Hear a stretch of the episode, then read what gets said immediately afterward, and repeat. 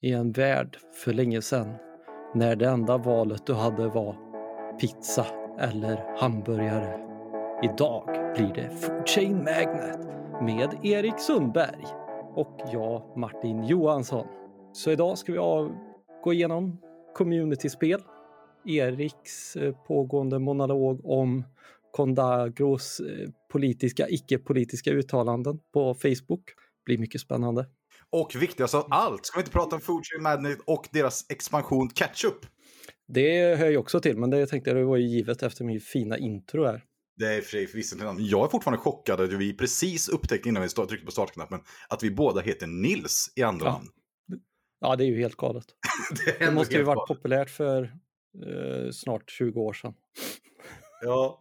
Eller Ja, 35. och- 35 ja, precis. Vi är två om inte annat. Ja. Och det är väl lite där jag tänkte att vi skulle börja prata just att vi, vi känner ju oss ju som två personer som är ensamma mot världen lite när vi gör den här podden.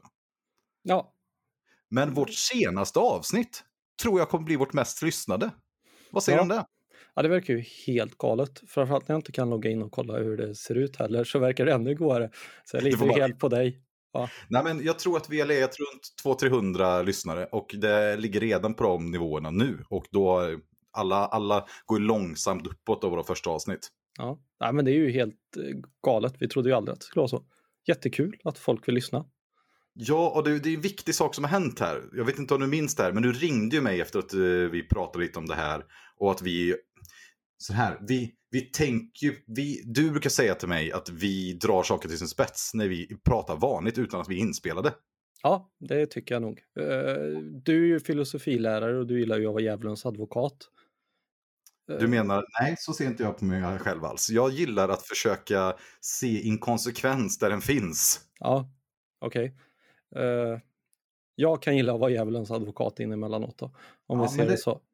Och då har vi försökt balansera upp det här med någon slags ödmjuk inställning till att vi pratar om att vi tror inte det kommer bli något, inga vill lyssna och sådär. Men jag ringde ju till dig och sen sa, pratade jag på det här sättet, ja vi får se någon lyssnar på nästa avsnitt, bla bla bla. Och då sa du bara, nej nu får det faktiskt vara nog, nu får vi faktiskt eh, eh, höja på oss lite och tänka, ja men det är nog några som kommer lyssna på oss. Och liksom, istället för att bara hålla på och be om ursäkt för oss, att vi vågar sticka ut hakan lite mer. Ja. Och det försökte vi göra på förra avsnittet med våran intro att, ja, lite dramatiskt sådär. Det blir ju diskussion direkt och folk blir upprörda givetvis som vanligt. Men eh, ja, vi får se. Ja, och så länge man kan hålla det till inte personangrepp så tycker jag det är helt okej. Som... Det är väl där man får landa liksom. Ja, ja precis. Och, eh, men vi har gjort massa andra positiva saker. här. Det här community-spelet, vad är det för någonting? Säga att vi har gjort, eh, eller ja, eh, jag känner inte riktigt att jag kan ta åt mig jättemycket ära. Jag tror inte du gör det heller, Erik. Nej, det är faktiskt ta i. Ja, ja, vi startade en Discord-kanal för att vi tänkte att alla vi spelar med ska inte behöva hänga i Discord-kanalen som våran spelgrupp har. Eh, så våran stackars community-kompis Andreas från Vi snackar brädspel inte ska behöva dra med massa 18XX-are eh, och andrat löst folk sådär. Eh, och någonstans där så har ju folk börjat hitta oss genom podden och genom andra och börjat hänga på vårat community. Så nu kör de eller har kört de två senaste veckorna varje tisdag community-spel då, då de träffas och spelas. Ja, och just nu när vi spelar in podden så var det någon som frågade bara, är det någon som vill spela? Alltså, Mm. Jag tycker det är skitkul. Alltså, det var just den här anledningen som det känns kul att vi, vi vill ju att fler ska spela de här spelen. Och nu har vi- fick vi efter 18 chess-avsnittet, vi hade en Leo och vi har Niklas till exempel och Charlie som har varit med och spelat flera gånger. De hade ju, som Leo, han har upptäckt oss och vi upptäckte att han bodde granne med oss. Ja, det är helt sjukt alltså. Ja, Det är helt sinnessjukt. Ja. Det är som att lägga ut kontaktannons. Hej, vi har en brädspelspodd. Vi bor i Vänersborg. Är det någon som bor här i området som vill umgås med oss? Lyssna Ja. på några avsnitt först och se om vi är fullständiga idioter. Så du kan gilla oss eller inte. Ja, precis. Om vi är rätt typ av idioter. Vi får se om vi ska bort honom nu bara. Eh, Men eh, ja. Nej men eh, precis, och det, om man, vi kommer att fortsätta med det här också, eller vi, det är inte vi som bestämmer det här, det är, ju, det är på sina egna, egna ben. Vi, vi tycker det är jättekul och vi är med när vi kan och vi har ju försökt lära ut 18xx-spel. Ska väl försöka hålla en gång i månaden att vi har en 18xx-kväll där man kan få komma och lära sig spelen. Just det, och det ska vi säga, det finns ju faktiskt en YouTube-video på vår YouTube-kanal nu. Mm. Där våran förra gång, vi var för många så att jag fick inte vara med. Ja, Utan precis. jag satt och kommenterade när de spelade på, ja, det var ju väldigt intressant och roligt. En sexspelarparti på 18 chess. Uh. Den var svår. Ja, jag var ju med där en stund tills tvättstugan ropade för högt. Jag var tvungen till att avvika. Men då kom ju våran eminenta vän Henrik in och stötte upp och hjälpte till. Ja, men skitkul verkligen. Ja, men jag tycker om det är någon som gillar de här sakerna, kolla på det. skriv gärna om ni tycker ni vill se mer något sånt. För att lägga upp det på YouTube, det är, det är ju bara för om någon vill titta på det. Annars så gör vi det bara för att det är kul själva. Ja, precis. Uh, vad kan man mer säga om och sådär? Nej, det ja, är väl... Vad har vi spelat för spel sen senast? Har du ja. spelat några bra spel sen vi poddade senast? Så det är typ en månad sedan. Ja, vi har ju spelat Food Chain Magnet en hel del då. Eh, men det kommer vi till senare. Vi har provat massa olika 18xx-spel. Eh, lite så att jag känner att ja, jag är med, jag får lära mig under spelets gång. Kanske inte bästa grejen om man inte vill vinna som i 1822. Jag vann den idag för övrigt. 1828. 1828 var det. Eh, mycket stort och brutalt spel som jag inte förstod någonting av men Vänt, gick vinnande ur. Vann? Ja, det gjorde jag ju. Nej, det, det gjorde du inte. Jag vet, jag vet att jag kommer låta som en dålig förlorare. Och jag pratade faktiskt med min sambo om det här förut, eh, häromdagen. Jag sa att förr i tiden så fick jag alltid höra att jag var en dålig förlorare. Mm. Och dålig vinnare. Mm. Men jag så undrade, jag har inte hört det på ett tag. Så tänkte jag, nu när jag kände att jag förlorade, eller rätt sagt vi spelade oavgjort. Nej, jag vann. ja, men det är intressant. Alltså vinner man i 1806 om man vinner med färre pengar än 1%? Om jag kan reta dig så ja, definitivt. Annars nej. Jag håller på något sätt med om det här. men det är ju, här, nej, jag vi... vann definitivt inte den. Men, men vår poäng är ju på något sätt egentligen som vi har pratat om att, att sådana spel som man kan heloptimera med perfekt information, att det blir outhärdligt om folk ska optimera det på 10 när slutskåren blir 8525. Ja. Så därför brukar man då se kanske 1-2% inom den så är man lika för det är en fel, felväxling eller en fel. Men nu hade vi faktiskt hur mycket tid som helst för vi spelade synkront. Och du vann med, jag tror det var 7558 mot 7538 eller någonting. Alltså det var ja, löjligt. Kom, ja, jag vann med 50 poäng vet jag. ja, 7000. Ja. Ja, det, ja, det, det, det är kul. Ja, men det som är kul med de här 18, vi spelar på en sajt som vi pratade om förut, 18x Games. Eh, suverän sajt, finns jättemycket titlar, kommer nya hela tiden. Folk kodar den, det är några svenskar som är med, Per Westling till exempel, Westberg Westling, ja, jag kommer aldrig ihåg. Eh, per i alla fall. Per, suveränt, eh, jättebra sida, gratis att använda. Vi funderar på om vi ska lägga en nybörjarguide till den på vår podd, eller på vår YouTube-kanal. Och, mm, på eh, svenska då? På svenska, och jag spelar ju nu tre turneringar tror jag spelar. Så jag har ju mellan 15 och 20 matcher igång samtidigt. Ja. Och jag, jag har ju haft, eh, inte riktigt så många, men jag har nog varit uppe och nosat på 12-13 eller sådär. Och det, det som blir jobbigt är om man är för många lika spel, om man gör för olika saker, men annars är det ju inte jobbigt att ha igång så många spel på den sidan skulle jag säga. Den är väldigt Nej. lätthanterlig och allt är klart och tydligt och sådär. Och grejen är att jag har märkt att ju fler spel jag har med, desto bättre funkar mitt vanliga liv. För mm. har jag ett spel igång som jag blir superinvesterad i tankemässigt, så går, det enda jag går runt och tänker på är det jäkla spelet. Och då är det så här, har de gjort något drag? Vad har de gjort? Då har ny info att gå och tänka på. Men när jag spelar 20 partier samtidigt, det finns ju inte chans att jag kan hålla dem alla i huvudet. Utan det blir, jag, jag har, kommer in, tänker i två minuter, just i den här matchen som det här har hänt ungefär. Vad är mitt bästa drag härifrån? Och sen gör jag ett drag. Men som du säger, det är svårt att hålla isär. Mm. Jo, men på tal om det och det kommer vi, om det här nu blir av så kommer vi göra guiden före vi eh, jag fick snille-idén om att jag tycker att vi borde hålla i en eh, live-turnering på nätet på 18xx Games i Chesapeakes Off the Rails med tanke på hur många turneringar du har varit med i och sådär. Och det känns som att man inte kan träffa folk så mycket och det är hitan och ditan på grund av covid och allt vad det nu är om det nu finns ett intresse för att ha en turnering som är svensk med Discord eller något annat som man kan titta på varandra. Tänkt en dag. Eh, Eh, sådär. Eh, skulle det vara kul, hör av er i sådana fall så att det om det nu känns värt att faktiskt lägga ner tiden och energin och försöka dra runt det här. Jag är helt övertygad om att man skulle få hitta intresse, speciellt om vi gjorde det på engelska.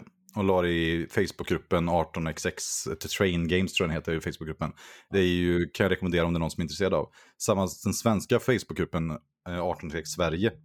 Bli medlem i dem om ni är intresserade. Där tror jag vi skulle hitta. Men det är klart, det är roligt att höra av sig till dem som vi, vi pratar med också. Nej, men jag tycker vi får väl hålla ett svensk variant. Vårt community behöver lära känna varandra bättre och blir det engelska så blir det inte på samma sätt. Det är kanske kul att man hittar någon som är ens granne som man inte visste om. Eller i staden bredvid eller någonting och det tror jag är mycket lättare om vi nu håller det på svenska. Sen är det självklart, är du engelsman och bor i Sverige och vill prata med så kan man väl få vara med ändå, tänker jag. Du... Precis, vi är inkluderande. Ja. Eller spansktalande eller vad det nu är. Vi får bara hitta någon lösning på hur, hur det löser sig just där och då, tänker jag. Och då tänkte jag så här, inkludering, känns inte det som en segway som man säger på engelska till ett uh, forum topics-byte här? Ämne... Ja, det gör det.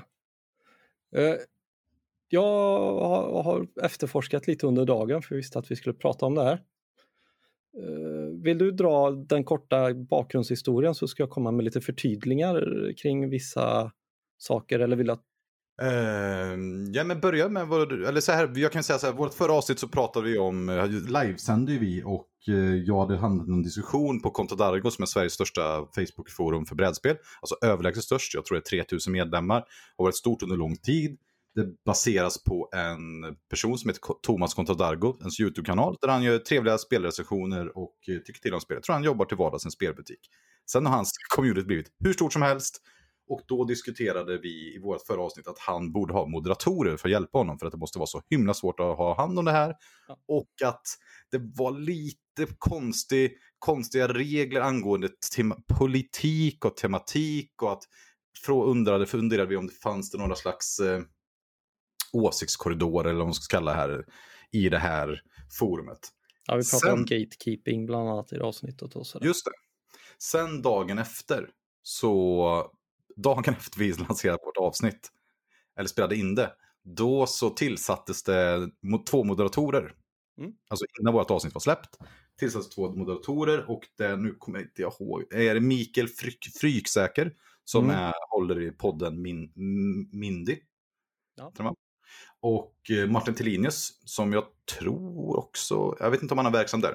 De två tillsattes i alla fall och eh, som moderatorer och då blev det en jättediskussion på Contadargo där yours, yours truly, jag, var en, en person som gick in och debatterade om att jag tyckte att de hävdade att man, det skulle vara en neutral forum, ett neutralt forum och att politik inte var välkomnat. I reglerna så stod det att det var irrelevant politik eller eh, alltså off topic politik inte var välkommen. Då sa jag att vilken är det då? Är det att prata om historiska brädspel till exempel? Är det off topic att prata om politik i spel till exempel? Mm. Och det som kom fram då var ju att de tyckte att all, all, all kritik i princip mot tema utifrån en omvärldsanalys ja. är inte välkommet på forumet. Och jag ansåg då att det här som ni säger är neutralt är inte neutralt. Ni har en politisk ståndpunkt. Mm. Och då blev det liksom, och sen blev tråden låst och allting och bla bla bla. För det var givetvis att man inte fick säga så. Och Thomas Contadargo som verkar vara, för övrigt som jag sagt, jäkla trevlig kille. Här tyckte att folk var troll och etc. Som gick in kanske med lite aggressivare stämning eller något. Eller lite, i mitt tycke, lite tydligare åsikter om att han, att han antingen var naiv eller gömd höger konservativ och försökte hävda att han var neutral. Eh, det var väl det som jag uppfattade hände i den tråden. Och det är bakgrunden till vad vi ska prata om nu. Vad, mm. vad hade du att säga om det här? Nej, men eh, det jag tänkte på var ju... Eh, jag kikade in lite snabbt idag. Jag hänger inte där jätteofta och jättemycket. Du hänger nog där mer än vad jag gör. Men det har ju varit en pågående diskussion om monopol och dess hemska och icke hemska levande. Det kommer ligga en länk i det här avsnittet när vi släpper det till en annan podd som heter Stuff You Should Know som har gjort ett helt underbart engelskt avsnitt som pratar om bakgrunden till Monopol av 45 minuter om det, det spelet. Eh, stark rekommendation om hela den här, är det ett kapitalistiskt eller ett antikapitalistiskt spel och bakgrunden till spelet.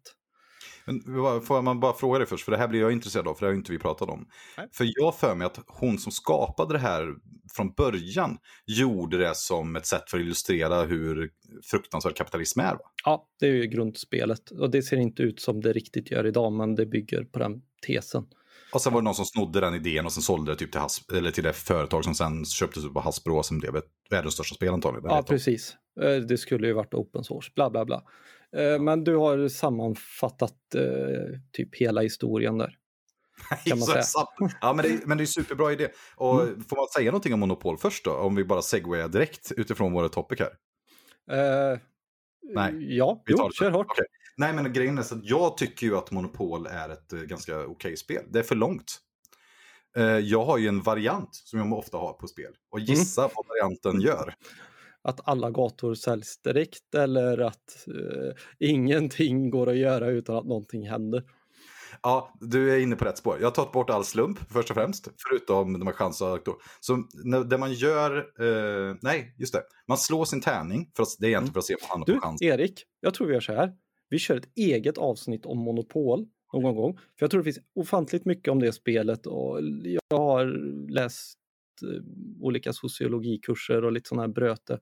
Och där har man använt det på olika sätt och sånt där. Jag tror vi kan ha en jättespännande diskussion om jag ska det spelet. Säga en sak. När man tvingar spelare, spelat det aktion på alla gator. Det blir, folk går bankrutt på två varv. Det blir fantastiskt. Ja, det, det måste ju bli mycket bättre. Ja, det är fruktansvärt bra alltså. Det. Ja, Okej, okay. men så monopoldiskussionen var du inne på i alla fall. Ja, precis. Och jag tänker att viktigt härifrån och framåt, för där handlar det mycket om att kapitalism är antingen bra eller dåligt och sådär. Eh, det är min urtolkning ur det som är sagt att kommunism är dåligt för det är inte kapitalism och så vidare. Jag bara tänkte, jag, jag har frågat en kulturvetare vad definitionen av kapitalism är under dagen. Mm. För jag orkade inte läsa hela Wikipedia för den är ganska lång och går från marxismen och framåt. Och, ja, jag, gillar, jag gillar det, men ja, absolut. Vi, den definitionen jag fick sammanfattar ganska väl min definition av kapitalism. Mm. Och det är, hon skriver så här, skulle väl säga att det är en ekonomiskt system som drivs av privata intressen eh, slash aktörer och att de fokuserar på vinst antingen genom köp, försäljning eller investering. Mm. Annars pratar vi marknadsekonomi och jag tror det är väldigt lätt att driva över till marknadsekonomi när man pratar politik. Ja, och det är ju... Ja, men precis. Och jag tänker att när vi säger kapitalism framåt i detta avsnittet då kommer vi diskutera marknadsekonomi eller socialistisk kapitalism. Och vad är socialistisk kapitalism? Eller vad...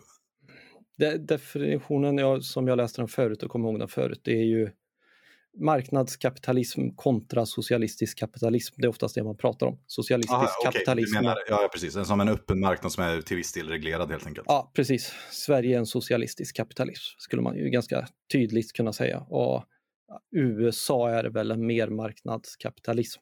Ja, då min första fråga, är det här politik då? Ja, det är ju definitivt det är grund, en av grundstenarna i politik.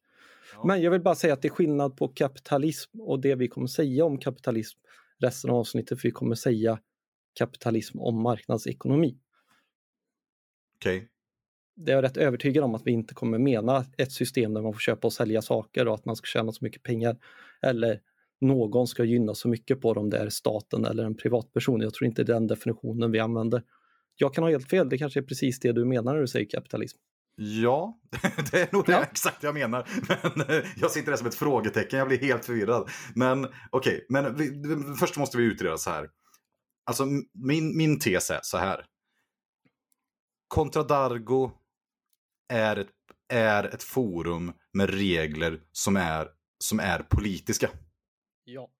Det, det, är, min grund, det är min grundtes här. Mm. Och mitt problem med det är är inte att de har ett forum som är eh, liksom politiskt, med en politisk inriktning. Mitt problem är att man ska säga att det inte är det. Och att det är neutralt. Och att det, just den saken skapar massa trolldiskussioner och folk eh, går, går, går, in i den här klassiska fällan och hänger med på det här. Mm. Eh, jag tycker mycket väl att man verkligen borde ha ett eh, forum för folk med konservativa eller så kallade högerideal där man diskuterar brädspel. Samma sak man skulle kunna ha en grupp med vänsterinriktade folk. Problemet är, tycker jag, om man har att försöka hävda att det inte är ett politiskt forum. Ja. Um, Okej, okay. så det vi, det, det, vi kommer, till, kommer till det här då att vi hade monopoldiskussion, precis som du sa var ett av mina första exempel. Den här tråden låg ju kvar här nu och blev inte inte bannad så länge som att det var, vad ska man säga, prokapitalistiska idéer som lyftes fram. Ja, och det är ju det jag menar, det är därför vi behövde diskutera kapitalismen. Ja, och, eh, och den första frågan är ju så här att vad innebär politik? Alltså för det är det som är grundpoängen egentligen. Att det var irrelevant politik och jag ifrågasätter det här ju. Men, men om man nu pratar till exempel samhällssystem, om ett spel till exempel. Vad ska vi ta för spel? Men Food Chain Magnus som vi kommer att prata om idag. Det är ju, tycker jag, ett kapitalism, simulation om kapitalism. Ja, precis. Eh, och det är ju per definition politik. Och att då diskutera ifall det här är då ett bra spel, ett spel man borde spela eller ett eh, spel som är satir, vilket jag också tycker är en politisk fråga. Vi i Sverige brukar ju se politik som en skala från vänster till höger generellt. Det vet jag inte om du håller med mig om. Men eh, rent historiskt när jag gick i skolan till exempel blev jag upplärd att politik är man antingen vänster eller höger. Mm. Det man har sett som växt fram senare via akademin och framåt är ju att det finns nya skalor som är, som är fyrpunktsskalor, fyrfältare. Som de nu på gymnasiet, jag jobbar med en samhällslärare som använder sådana här fyrfältare där det är, går mellan, eh, nu ska vi se här, authority, oh, nej jag kan inte prata engelska. Auktoritärt, eh. eh, icke-auktoritärt är det va? Ja. Liberalt konservativt. Så gamla ja, ja. högern är konservativ, generellt brukar ju den vara auktoritär också. Precis. Det är till exempel att man ska ha, ha stifta mycket lagar mot ja, våldsmonopol och så vidare. Medan då den traditionella vänstern då vill reglera marknaden, alltså marknadsekonomin. Ja. Men ha hög frihet för individuell frihet i övrigt. Ja, om man inte går till eh, extremt då. Kommunismen anses ju inte vara särskilt liberal frihet Nej. för individen. Och det ska man säga, det, det hör man ju direkt att det här bråkar lite med vänster-högerskala. För att i USA använder man den här skolan. Jag tror en, det var en kille som hette kille. Det var en person som hette Nolan som tog fram den här på 60-talet. Mm. Så man kan söka på Nolans for political eller någonting så kommer man upp en sån här. Och då, precis som du säger, då finns det en centerdel och sen finns det en progr progressive kallas då de som kallas eh, demokrat, demokratiska partiet kallas ju progressive till exempel. Och sen är det conservative på andra sidan och sen är det authoritarian och eh, libertarian. Beroende på hur mycket individuell frihet man vill ha. Och mm. eh, som, precis som du säger, Sovjetstaten till exempel, eller kommunism, superauktoritär. Ja. Så hamnar inte alls till vänster skalan utan jättelångt ner. Ja. Och, och tar vi då anarkism så blir den supervänster och superliberal då. Som ja, ja, men precis. på vänsterskalan. Precis. Och varför är det då intressant? Jo, för att den, en inbyggd del i den här progressiva skalan är ju att man ifrågasätter saker. Mm. Att till exempel under slaveriets tid eller under nazismens tid eller under Sovjeteran eller vad, vad man vill säga. Så att det, den progressiva delen är ju att man ifrågasätter saker och försöker förändra saker. Mm. Medan motsatsen till det är ju det konservativa, att man försöker behålla saker som de var eller till och med ta tillbaka värderingar eller idéer som man har. Ja. Till exempel att man har gått för långt, det har spårat ur etc. är ju ordval som man skulle kunna använda om man är traditionalist eller konservativ. Beroende på det var bättre förr. Det var bättre förr helt enkelt. Ja. Mm. Medan eh, de progressiva skulle säga det kan bli ännu bättre. Vi måste skärpa oss, vi måste ha en högre standard, vi ska bli ännu bättre. Mm. Och därför är ju då själva ordvalet neutral. Mm. Att man ska fortsätta vara neutral genom att inte prata om någonting. Mm. Då måste jag fråga dig, vart skulle du placera en sån aktivitet på den här skalan? Det är ju så extremt svårt. Jag tror inte jag klarar av det. För center-center är ju kanske den mittpunkten man kan komma överens om att minst blir stötta av. Okej, okay. nu går du i exakt, exakt den här fällan som de har satt upp på dig. Ja, men det vet jag. Jag vet ja, att det inte men... går att definiera det för att center-center gör minst människor irriterade. Men det är ju fortfarande en politisk ställning att inte Ja, vill du inte förändra någonting då är du helt plötsligt konservativ. exakt min poäng. och om man då tänker sig att man skulle vara då i ett samhälle som under, vi tar extrema exemplet, vi tar under Sovjeteran eller under nazisteran, om man inte vill förändra någonting. I de fallen är man inte neutral, då är du ju nazist eller Mm. stalinist. Ja, Det är ju två skällsord, i alla fall i våran värld. Och att vara neutral i under slaveriets tid. ja, eh, jag tror aldrig... Sverige har ju försökt vara neutralt ganska många gånger. Vi släppte igenom tyska tåg under andra världskriget. I dagens ögon så ser ju det inte så himla positivt ut. Jag Eh, tror, sådär. skulle jag gissa så tror jag det är bara vi i Sverige som på något sätt skulle kunna tänka oss att vi var neutrala under andra världskriget. Ja, men jag, jag tänker, vi, vi gjorde dumt åt båda hållen. Eller om man nu kan uttrycka sig så, det är väl också fel. Så ingen behövde bomba oss. Därför fortsatte vi vara neutrala. Alternativet att vi var tillräckligt bra på att samarbeta så att man inte ville bomba vår infrastruktur. Ja. Skitsamma, vi är inte historielärare, vi är inte tillräckligt bra på det här, vi pratar inte det, jag blir obekväm att prata om eh, nazistisk historia. Eh, Okej, men poängen då i alla fall är ju som sådan är då att om nu att man är konservativ så vill man bevara saker i sitt befintliga skick. Eh, den, den traditionella eh, akademin, alltså vänsterinriktad, är ju den kritiken, självreflektionen, kritisera det rådande, till exempel genuskritik, eh, kolonialistisk postmodernism etc. Alla de här har ju kritik av det rådande samhällsnärvaron som sin grundbult. Mm. Och då säga att vi får inte ha den här typen av ifrågasättande är då ett politiskt ställningstagande. Ja, Ja, men Och det vi, här- vi har ju sist gången vi definierade politik var att vi kommer aldrig komma att någonting inte är politiskt. Nej, och det finns säkert saker som är politik. Jag tänker till exempel om man tar en matematisk formel till exempel, 2 plus 2 till exempel. Det skulle jag säga att det är inte politik. Nej. Men det som är så intressant med att den här, liksom, vad ska man säga, eh, den här tanken om att man kan vara neutral inför saker och att då inte blanda in politik. För att, och det bygger väl på att vi vill inte stöta oss med varandra. Vi, vill inte, för vi vet ju att när vi börjar prata politik, vi vet ju här idag, det här, kommer inte, det här samtalet är ju inte positivt. Dels för att vi bara dravlar på och pratar massa. men, men att prata politik gör ju alltid om att förlora lyssnare. Ja, jag antar det. Eller vänner. Ja.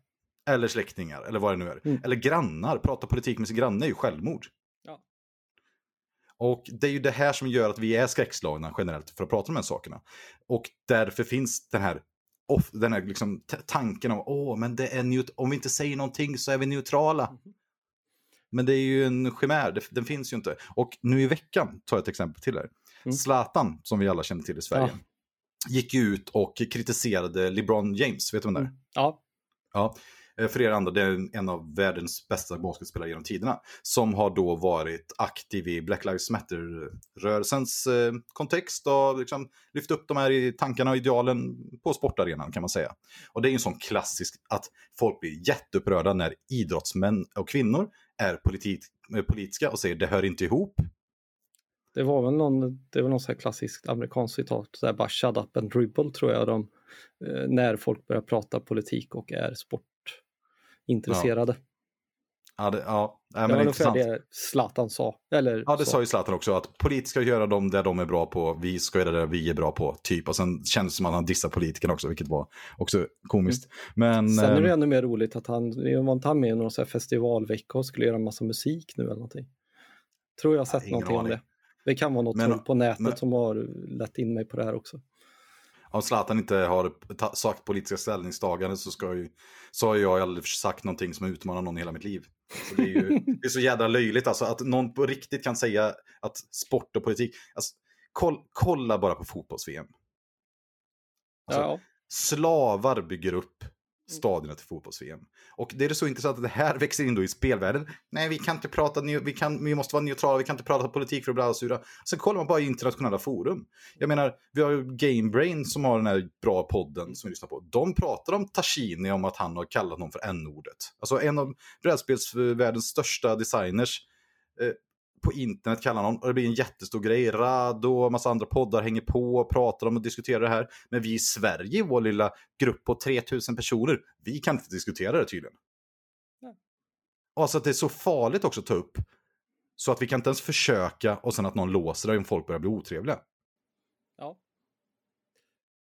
Det är det, det är det som är, det är svagt tycker jag. Alltså att har vi, en, har vi en spelgrupp, vi måste ju kunna försöka i alla fall kunna diskutera brädspelsens teman. Ja, eller så får vi bara börja hänga på andra forum. Ja, alltså ja, någonstans landar vi ju där. Det är ändå Facebook och jag tycker inte att det här går utanför sak egentligen. Jag tycker att det är väl ganska relevant för vårt community, i alla fall för delar utav oss. Jag förstår att det är folk som bara vill sätta sig ner och spela sitt wingspan eller vad den är i lugn och ro och det är mysigt och jag vill inte se det. Men det är ju bara att scrolla vidare. Men jag, jag antar att vi landar i den Ja. slutsatsen. Ska man använda Facebook? Det är ju ett helt annat tema. Åh gud, jag kände att nu höll jag på att bli uppjagad. Uh, nej men vi kommer ju, du och jag kommer väl hänga mer på andra forum. Även om vi ändå kommer hänga där, menar jag. Ja, ja men det, är tråkiga är att det känns ju som att, eh, att man längre inte kan dela saker som är intressanta för brädspelscommunityn. Mm. I den gruppen.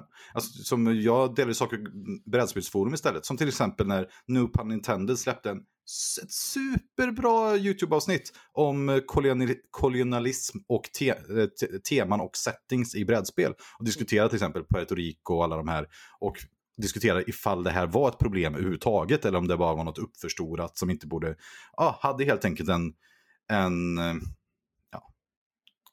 akademisk diskussion om, för han i beläst hade frågat sin eh, lärare i kolonialistisk teori om det här och diskuterade. Och det var superbra, men det går inte att posta den på kontot Dargo. Nej.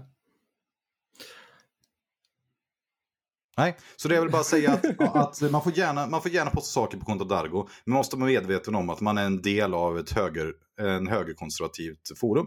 I min åsikt. Och tycker man då att man ska ha ett forum som är öppet för alla idéer, vilket jag, min poäng är, då ska man gå med i brädspelsforum också. Mm. Eller försöka se till att det blir en, en ändring. För det jag märkte när jag ifrågasatte de här sakerna i den här tråden, Mm. folk blir så jädra rädda alltså, i vårt lilla community. Det är folk vågar inte så här likea mer inlägg än någonting. Sen skickar de privata inlägg till mig. Alltså jag hade ju fler privata inlägg och påhejningar internt än vad jag hade likes på mina inlägg. Det är ju ganska galet. Eller nej, det är ju helt sjukt. Uh, om ni har tråkigt och vill lägga ännu så här 45 minuter på någonting mm, annan podd så tycker jag ni ska lyssna på dagens eh, uh, P3 Dystopia. Den handlar om uh, yttrandefriheten och vad som händer om den försvinner. Ur en kontext då som att typ Facebook köper upp allt och man inte kan flytta till andra forum och sånt där. Bra dystopiavsnitt. Jag gillar ju deras andra avsnitt också, men den handlar lite om ja, i P3-stil. Liksom. Det handlar lite om hur diskussionen har varit förut, om yttrandefrihet och framåt. Och är det yttrandefrihet, handlar den bara mot staten? Nej, i dagsläget gör den nog inte. Den handlar nog om mot stora jättar som Facebook eller cancer culture, eh, det fenomenet att folk kan bli utmobbade så att de försvinner från nätet och inte kan ha en närvaro där. Också eh, 45 minuter om ni har tid över i dessa coronatider. Jag älskar det, att vi försöker ha någon slags folkbildning här. Jag är bara mig glad som, som gymnasielärare. Nej, men det är ett superbra tips. Mm. Men ska vi lätta upp stämningen här med att prata om våra inköp till våran podd och vårat eh, nystart av en Patreon? Nej, först och främst. Nej, vi ska inte ha någon jävla Patreon. Nej, det är sant. Vi har ju faktiskt ingen Patreon. Nej, men vi håller på och försöker hotta upp vår, eh, vårat ljud genom att köpa likadana mikrofoner. Vi har köpt in Kanban EV som jag tror inte du vet ett skit om. Men Jo, vänta här nu. Det är det här, var det bilspelet du skickade en unboxing till? jajamän, Ja, precis. jo, jo. Japp, så bra Men- kolla. Ja, det är ju han, eh, Vital Seda som har gjort. Och det är ju, till skillnad från många av de spel vi spelar just nu som är, vad ska man säga, ganska få regler men tunga beslut, så är ju det Mm. tunga regler, tunga beslut. Ja, men det är Och vi har ju många... Ja, men och det ska ju vara lite, det ska vara ett av hans mer lighta spel, så det är väl bara en BGE-komplexitet på 3,8 eller något, säkert 3,7 eller något. Och det simulerar ju lean production. Eh, om ni som inte känner till det, är ju den så Sverige opererar sin eh, sjukvård. Till exempel som är inhämtad från Japans företagskultur, från biltillverkare Toyota, som eh, använder det för att effektivisera sin produktion. Ja, det är väl Vilket är ju- inte bara det. Det har väl tagit över typ hela marknadsekonomin i väst liksom. Ja, Alla kör ju absolut. på det här. Absolut. Och det här spelet ska då simulera det här, vilket också är bara en sån charmig sak. Chefen i det här spelet, givetvis, går bara runt och sänker ens effektivitet. Mm. Och då är vi där igen. Det här, jag menar, är inte det ett politiskt spel så liksom... Ja. Nej, det tror jag inte. Och jag höll på att säga ta mig i häcken, men jag har inte sagt på 15 år så jag kan säga det. Det är inspelat på podd. Vågar du inte svära på podden? Eh, Ska vi säga någonting om 18, att vi har spelat 18-17 också? Ska vi Ja, jag skulle ju gå över till så här glada och positiva nyheter. Ja. Åh, eh, det kommer bli ett avsnitt om 1817 snart framöver. Då tror jag vi kommer att ha med veckans eh, kompis. Eh, tror jag vi kommer börja med här framöver. Vi kanske blir en veckans göteborgare eller veckans eh, gotlänning i detta avsnittet. Vi vet inte riktigt än. Håller på att kolla på detta i alla fall. Men eh, vi kommer bjuda, börja bjuda in eh, i en liten sekvens vad vårt spelgäng tycker och tänker om spelen vi spelar. Så länge de tycker det är kul och vill vara med vill säga. Det är inte så att vi kommer tvinga någon. Ja, jag Men- tycker det är en jättebra idé. Ja, det är ett helt underbart spel nu efter tredje gången vi börjar spela det. Första gången bara så här, la la la la la, jag är ute och plockar bär i skogen, livet är underbart. Det är inte riktigt det normalt man letar efter när man spelar 18xx. Liksom. Det ska ju vara jobbigt alltså- och tungt och sådär. Bakgrunden till det här spelet är att det är insålt som det tyngsta finansiella spelet som finns på marknaden. Inte då bara 18-spel utan överhuvudtaget. Och det kostar 2000 spänn att köpa in. och det har vi då givetvis köpt och regelboken är helt, ja, lite halvsvår. Och när vi spelade så var det så här, jaha, vad är det här? vad är det här? Det händer ju ingenting. Som tur var så hade ju precis hela den här GameStop-grejen med shorta aktier och köpa upp dem för att straffa de onda börshajarna eller vad det nu var de höll på med. Eh, så man hade faktiskt koll på vad shorta aktier innebar innan man satte sig och spelade spelet och det kan man ju tacka eh, Reddit för då. Ja, ja, verkligen. För det spelet startade ju 1817 som är ett konstigt år i järnvägssynpunkt. För, men det var året som eh, amerikanska börsen startade helt enkelt. Och eh, som Martin är inne på så finns det mycket mer finansiella spakar i det spelet. Det handlar om att eh, slå ihop bolag, det handlar om att köpa som kallad friendly sale. Som vi nu vet att friendly är väldigt mycket situationstecken, för det är inte Mm. alls vänskapligt. Och att man kan sälja bolagen, man kan eh, slå upp aktierna, man kan också shorta. Att säga så här, ditt, aktie, ditt, ditt företag är övervärderat. Jag tar ut pengar och säger det här kommer att vara värt mindre i framtiden. Och eh, vi såg när det här spelet ledde till slut efter, och det jag tror att skulle vi spela i verkligheten utan att det är på online så tror jag att minst skulle ta 10 timmar. Ja, två flaskor vin. Ja. Ja. Och eh, man såg på slutet sen, man var så här, oh shit, det här är visst lite läskigt. Men det var intressant, jag postade en lång tråd och frågade lite om det här på internationella forumet. Och det, ja, det finns mycket där. Är man intresserad av 1817, sök på Sigismund på Train Games. Det finns en lång diskussion på Facebook om man nu tycker att 1817 verkar intressant. Och en väldigt intressant diskussion som hände efter jag ifrågasatte om det nu var så blodigt det här spelet. Det väckte mycket känslor. Och vi fick lite input hur vi kanske skulle spela för att det skulle bli ännu bättre. Och nu såg vi sen Endgame och då såg vi lite och det kommer bli fantastiskt nästa gång tror jag. Ja, det tror jag också. Och det tror jag blir att vi spelar på den internationella kvinnodagen nästa gång vi drar ett nytt spel. Just det, vi har Dode-dokument över typ åtta veckors perioder där vi försöker boka in de här. Ja, Mm. ja men intressant. Det, ja, men det ser jag ju verkligen fram emot. Gått från att se fram emot jättemycket till att jag måste ha missförstått någonting i spelet för det här verkar alldeles för lätt till att inse att det var det jag gjorde så nu är jag jätteintresserad av det. Ja, nej men det är väl, ja, nej men det är bara jättekul. Du ska ju dra en liten eh, recap för du har ju varit ute och lekt cowboy igen. Just det. på Du, söndagen. jag är lite besviken på det måste jag bara säga Martin. Mm. Du har ju sagt att du ska spela GVT en gång i månaden annars kommer du sluta spela det. Nu Ja. är det dags snart att göra det igen. Ja, det är det nog. Eh, Jag har massa så här, privatsaker i mitt liv som händer och rör och fram och tillbaka som gör att jag inte kan avsätta allt för mycket tid. Eh, vi har spelat GVT-expansionen. Jag gick ut hårt och sa att expansionen är den sämsta expansionen jag någonsin har spelat. För den är helt obalanserad. Ja, jag får väl säga då att man hade lite fel eller sådär, var lite överdriven. Nu har jag spelat den tre, fyra gånger till. Ja, den är helt obalanserad. Den är helt kastbalanserad, expansionen. Eh, den förändras så att alla måste använda byggare för att kunna vinna matchen.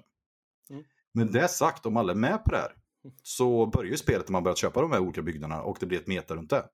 Mm. Vilket gör spelet igen ganska intressant. Och ganska roligt för det, det är lite så här, du har din favoritglass. Sen någon gång ibland så vill man ändå spicea upp det. Och då äter man den glassen och tänker man så här, ja det här var ju okej men jag saknar ändå min bästa glass. Så är det lite med expansion fortfarande. Men det är fortfarande kul att byta smak ibland. Dock ska sägas att det har varit två av mina kanske sämsta ögonblick på länge i brädspel har just varit med expansionen. Mm. Eh, vi spelade med... Så du har fått öva på att vara lite ödmjuk alltså? Vi har, ja, men, nej, men vi har spelat med två, två, vi har spelat två partier. Ena partiet var kanske tre timmar långt, Mm. två och en halv kanske. Eh, avgjordes i sista rundan när jag gick in i mål. Och som belöning så skulle jag få ta ett uppdrag. Alla uppdragen som låg framme, du vet, kunde jag inte klara av. Nej. Så jag valde då att dra ett från toppen, alltså ett random kort i en lek på kanske 30 saker. Drar ett från toppen som jag redan hade klarat av. Och fick fem poäng och vann Ja. matchen. Ja, men så ska man ju inte få vinna det spelet. Är det okej att vinna ett två, två eller tre timmar långt strategispel på det sättet? Nej. Nej, jag tycker inte heller det. Jag tycker det jag tycker det är fruktansvärt dålig speldesign alltså. Ja, det håller jag nog fullständigt med. När det inte är ett sånt spel vet alla om att det kan hända saker precis när som helst. Då är det en annan sak. Men det är Jag inte ett sånt spel. Nej, vi har ju diskuterat rot lite i någon chattgrupp där. Vi har diskuterat kingmaking hit och dit och alla sådana här saker. Där man i rot är ett krigsspel då, så då ser man ju kingmaking som, som en feature, inte som en nackdel. Det tror jag för övrigt är ett eget avsnitt vi ska prata om. Jag kan prata Ja. om det säkert i två timmar. Det tror jag. Men där, Men- Är det, där, är det, där vet man att alla ens gubbar kan dö. Precis, typ. Men det kan hända galna saker för att det finns saker som gör ofantligt obalanserade grejer och det vet man om från start. Så då, då blir inte jag riktigt sur på samma sätt om jag förlorar sista rundan på att någon drar in rätt. För då kan ju faktiskt något satsa på. Mitt enda sätt att vinna det är att dra ett nytt kort och få spela det. Ja, och jag tycker för mig så träffar du helt rätt här när du pratar om känslan. För det är känslan som är kass här alltså. Detsamma med min nästa spelomgång. Då, då möter jag Henrik igen, alltså Henrik från eh, Göteborg som heter Typical Duck när eh, eh, vi spelar med. Jättetrevlig. Och vi spelar GVT och vi, han ska få revansch för jag vann ju mot honom förra gången när jag drog det här slumpade kortet. Och då ska han ha revansch. Jag har då, inför att jag ska gå i mål, har jag följande val. Antingen kan jag stanna tre eller fyra gånger. Minimera min risk. För jag var tvungen, så här, jag var tvungen att ha ett kortvärde på min hand för er som inte spelat GVT. Kortvärde på min hand för sex i värde. Jag hade fyra. Jag var tvungen att, att då kunna manipulera min handstorlek så att jag fick ett värde på sex. Vilket var oddsen eh, 40%, 50%, 50%. Jag hade alltså tre tillfällen att dra, göra de här. Först 40%, sen 50% och sen 50%. Tre, de tre gångerna. Alternativet hade då varit att göra tre extra drag för att komma upp i 70% istället. Mm. 70%, 40%, 30%, 30%. Eller för att säga 50-50. Alltså göra tre extra drag för att uppnå en till drag. Mm. Och det som händer då är ju att jag, jag vet om att Henrik är tillräckligt bra. Att jag kan inte slösa bort tre stycken eh, drag på att höja mina odds till att jag får en till 70% i dragning ur en lek. Mm. Utan att jag måste ta oddsen 40%, 50%, 50% på, tre, på tre, över tre turer. Att det är så, så bra odds får man nästan aldrig. Och Nej. att det måste jag ta. Ja, ja. Och jag missade. Då aktiverar jag en specialförmåga som gör att man får dra två extra kort och slänga. Missade de också. Mm. Efter det så ska jag säga så här att det spelar ingen roll vad jag gjorde i spelet. Jag hade förlorat. Ja. Och då spelade vi en och en halv, två timmar till. Ja du, du gillar ju inte push och lack-känsla. Det har du ju svårt i massa spel. Ja, om det är ett tungt strategiskt spel som man till exempel har budgivning för turordning och varenda val man gör i spelet är superviktigt. Att det är så hög utslagsgivande otursmoment eller turmoment i spelet. Eller framförallt är det otursmoment, för om man har tur så spelar inte det jättestor roll. Man planerar ju alltid för att man kanske kommer upp i ett värde på 10. Har jag tur kommer jag upp i 12, då får jag två extra pengar. Kommer jag inte upp i 10 så är det förlorar jag matchen. Och det gör ibland att det spelet känns oacceptabelt. Och jag hade de här två lägena i expansionen. Och det, nej jag vet inte, alltså fruktansvärt tråkigt. Och just också att jag tyckte, hade jag varit Henrik till exempel och vunnit på det här sättet, precis som när jag vann med det turmomentet, Mm. jag känner inte att jag vunnit. Lite som 18-28. Ja, jo, men, jo, men det kan jag fatta. Fast då vann ju du inte. Du vann ju på att vi andra var sämre än dig. Nej, du, jag vann på att folk gjorde saker som gjorde att jag kom först. Ja, men vadå, det, det var det helt inte, rätt. Nej, jag tycker inte att det är samma sak som att säga att jag spelade bättre än alla andra. Jag spelade säkert och ni andra pushade era lycka och det föll på så att jag vann. Ja, fast det är ju metat. Att metat är att man ska sänka den som leder, att man ska närma sig den, då kan det bli så. Ja. Hade jag brytt mig om vilka rutter jag körde de tre sista turerna i spelet så hade jag ju också vunnit. Äh, vänta, oj, sa jag det högt? Nej, det skulle jag inte gjort. Framstår jag som dålig förlorare igen. Ja. Nej då. Så jag, alltså jag satt så jävla måste länge. jag Jag, bara, måste komma upp i 50 spänn till. Jag måste. Och så jag bara, nej jag kan inte, jag klarar inte. Helvete, går åt helvete. det var pinsamt. Och sen insåg jag, ja, Martin, är- ja, han förtjänar det. ja, nu ska vi gå över till eh, avsnittet egentligen handlar om. Eh, Food Chain Magnet.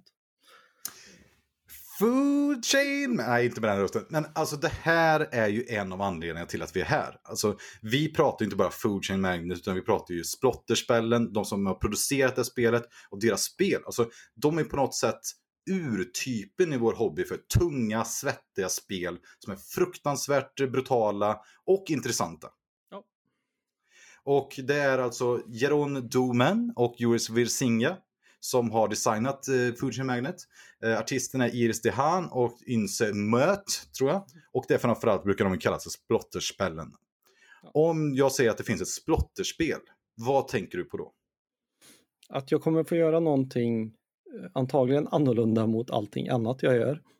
Det kommer, fin- det kommer vara ofantligt uträknat. Och jag kommer få göra ofantligt jobbiga drag och varje drag jag gör har betydelse. Ja, jag tycker det är en suveränt bra beskrivning. För precis, att varje drag har betydelse. Vilken känsla skapar ett sånt spel hos en? Nej men det, jag, eh, man sitter ju aldrig bekvämt tillbakalutat och tycker att eh, men det är lite som 18xx, när jag sitter tillbakalutat och tycker att det här går bra, då inser jag att någonting är fel. ja, det är så himla sann känsla alltså. vad, vad är det som ska skita sig? Vad är det som ska skita sig? Ja, Ja, och jag kan ju säga att de har gjort lite tidigare spel här som är, det finns ju, Splotter har hållit på länge. De har, gjorde ju Bass som räknas vara den världens första worker placement. Det är imponerande. har vi inte Så vi- testat än, men du äger. Ja, ospelat spelhyllan. Sen har de något som kallas för Splotters Big Five och det är Great Above, Roads and Boats, Antiquity, Indonesia och Food Chain Magnet. Japp. Och vi har, jag har spelat alla dem utom eh, Quittis. Antiquity och Ja. Bass. Ja, just Abas, ja, men av de Big Five då. Ja, Ja. ja okej. Jag, Och- jag vill särskilja Indonesia från de andra spelen för det är ett helt annat typ av spel. Skulle jag vilja Va? säga. Tycker du det? På vilket sätt då? Ja, men för mig det är budgivning på massa olika konstiga ställen. Det handlar mycket mer om en magkänsla. Har man perfekt information i det spelet så är det skittråkigt. I de- alla de andra spelen vill jag ha perfekt information. Okej, och där har du faktiskt en riktigt bra poäng. Alltså den perfekta informationen är ju helt drivande i Great Zimbabwe Roads and Boats. Mm. Och Boats och Bass har inte spelat. Antiquity har man en lite dold information. Man ska ha en stor stadskarteperm runt som ingen orkar använda. Då får man orkar inte se. Men jag håller med. Indonesien skiljer, särskiljer sig på det sättet. Men det är fortfarande ett, här, få regler, otroligt svårt, jätteutmanande, jätteläskigt. Man sitter med andan i halsen och ett av våra favoritspel. Men det ska vi inte prata om idag för vi kommer bli få till oss trasorna då. Eh, det som är viktigt att poängtera då, att vi recenserar ju inte bara eh, originalet Chain Magnet utan Catch-Up Expansion som kom förra året. Vilket är då en expansion som hade Splotter har suttit och tänkt på och det har skojat om att de borde ha catch-up eh, mekanism. För att folk klagar så mycket på att Chain Magnet är så brutalt och att man inte kan komma tillbaka. Eh, och det kommer vi att prata om lite senare. Mm. Men, eh, så, och sen blev det här då verklighet. Och då är, det en expansion som består av 18 18 moduler. Mm. Vad har vi spelat Martin? Eh, jag vill bara tillägga, jag har ju lyssnat på Gamebrains poddavsnitt inför detta. Och de här 18 modulerna har ju tydligen, det finns ju ett tema kring det hela. De är tydligen väldigt stora i Asien och Sydkorea framför allt och där startade de med en modul och sen släppte de en modul i eh, Japan tror jag det var och sen släppte de en i San Francisco. Och när de hade släppt de här extra grejerna, för det gör ju inte splotterspel annars, de har ju släppt ett spel och det är bra och sen går de vidare och jobbar på nästa. Det här är första expansionen de har gjort om jag inte med rätt i alla fall i min research. Ja, det stämmer inte, men typ, de har gjort ETC till Roads and Boats, men det är det enda. Mm. Okay. Ja, men i alla fall då slog de ihop allt det här från saker de har testat på olika delar av världen och slog ihop det till en, en del för oss alla, om jag hängde med rätt i alla fall. Ja, det stämmer. Och vi har ju bara spelat Milestone-modulen egentligen. Ja, precis, för det är bara den vi har kunnat titta på nätet och spela tillsammans. Ja, mm. och, eh, men om du skulle kort introducera Food Chain Magnet, vad är det för typ av spel? Vad, vad är det för, ja. ja, men det är väl råkapitalismen i dess sannaste form. Du driver en snabbmatskedja. Eh, du måste anställa folk. Eh, och som vi alla vet så behöver man ju liksom inte riktigt betala folket längst ner på golvet. Minimilön och sånt där, det är ju helt meningslöst. De kommer vara glada att de får gå någonstans och ha någonting att göra. Så de kostar ju inget. Eh, sen finns det ju någon form av mellansteg och sådär och så kan man ut eh, lite mer finare folk, de kräver ju faktiskt lön för att de inte ska gå vidare någon annanstans. De andra är nöjda att de får vara någonstans. Men råkapitalism, du ska sälja hamburgare, pizza, drickor. Eh, men vem vill köpa din hamburgare när de inte vet att du säljer en hamburgare? Så du måste ju marknadsföra det här också. Och det kan du göra på massa olika roliga sätt. Eh, men eh, drickan den kommer ju inte bara till ditt lilla eh, pizzeria eller hamburgerkedja. Den måste du ju gå och hämta på det lokala bryggeriet som finns någon annanstans i din hemstad. Så du driver en restaurang från allt från marknadsföring, producering, eh, vart du ligger och vem du kan sälja till. Förhoppningsvis så vill de ju gå till dig för de har marknadsfört bra, men de går ju, som vi vet, eh, jag tänker med att det är amerikaner, kommer mina fördomar är lite, de går ju dit där de får mest mat för pengarna och det är detta spelet innebär att där det är billigast. Och de vill ju ha det de har läst om i tidningen, sett på tavlan eller fått i radiokanalen.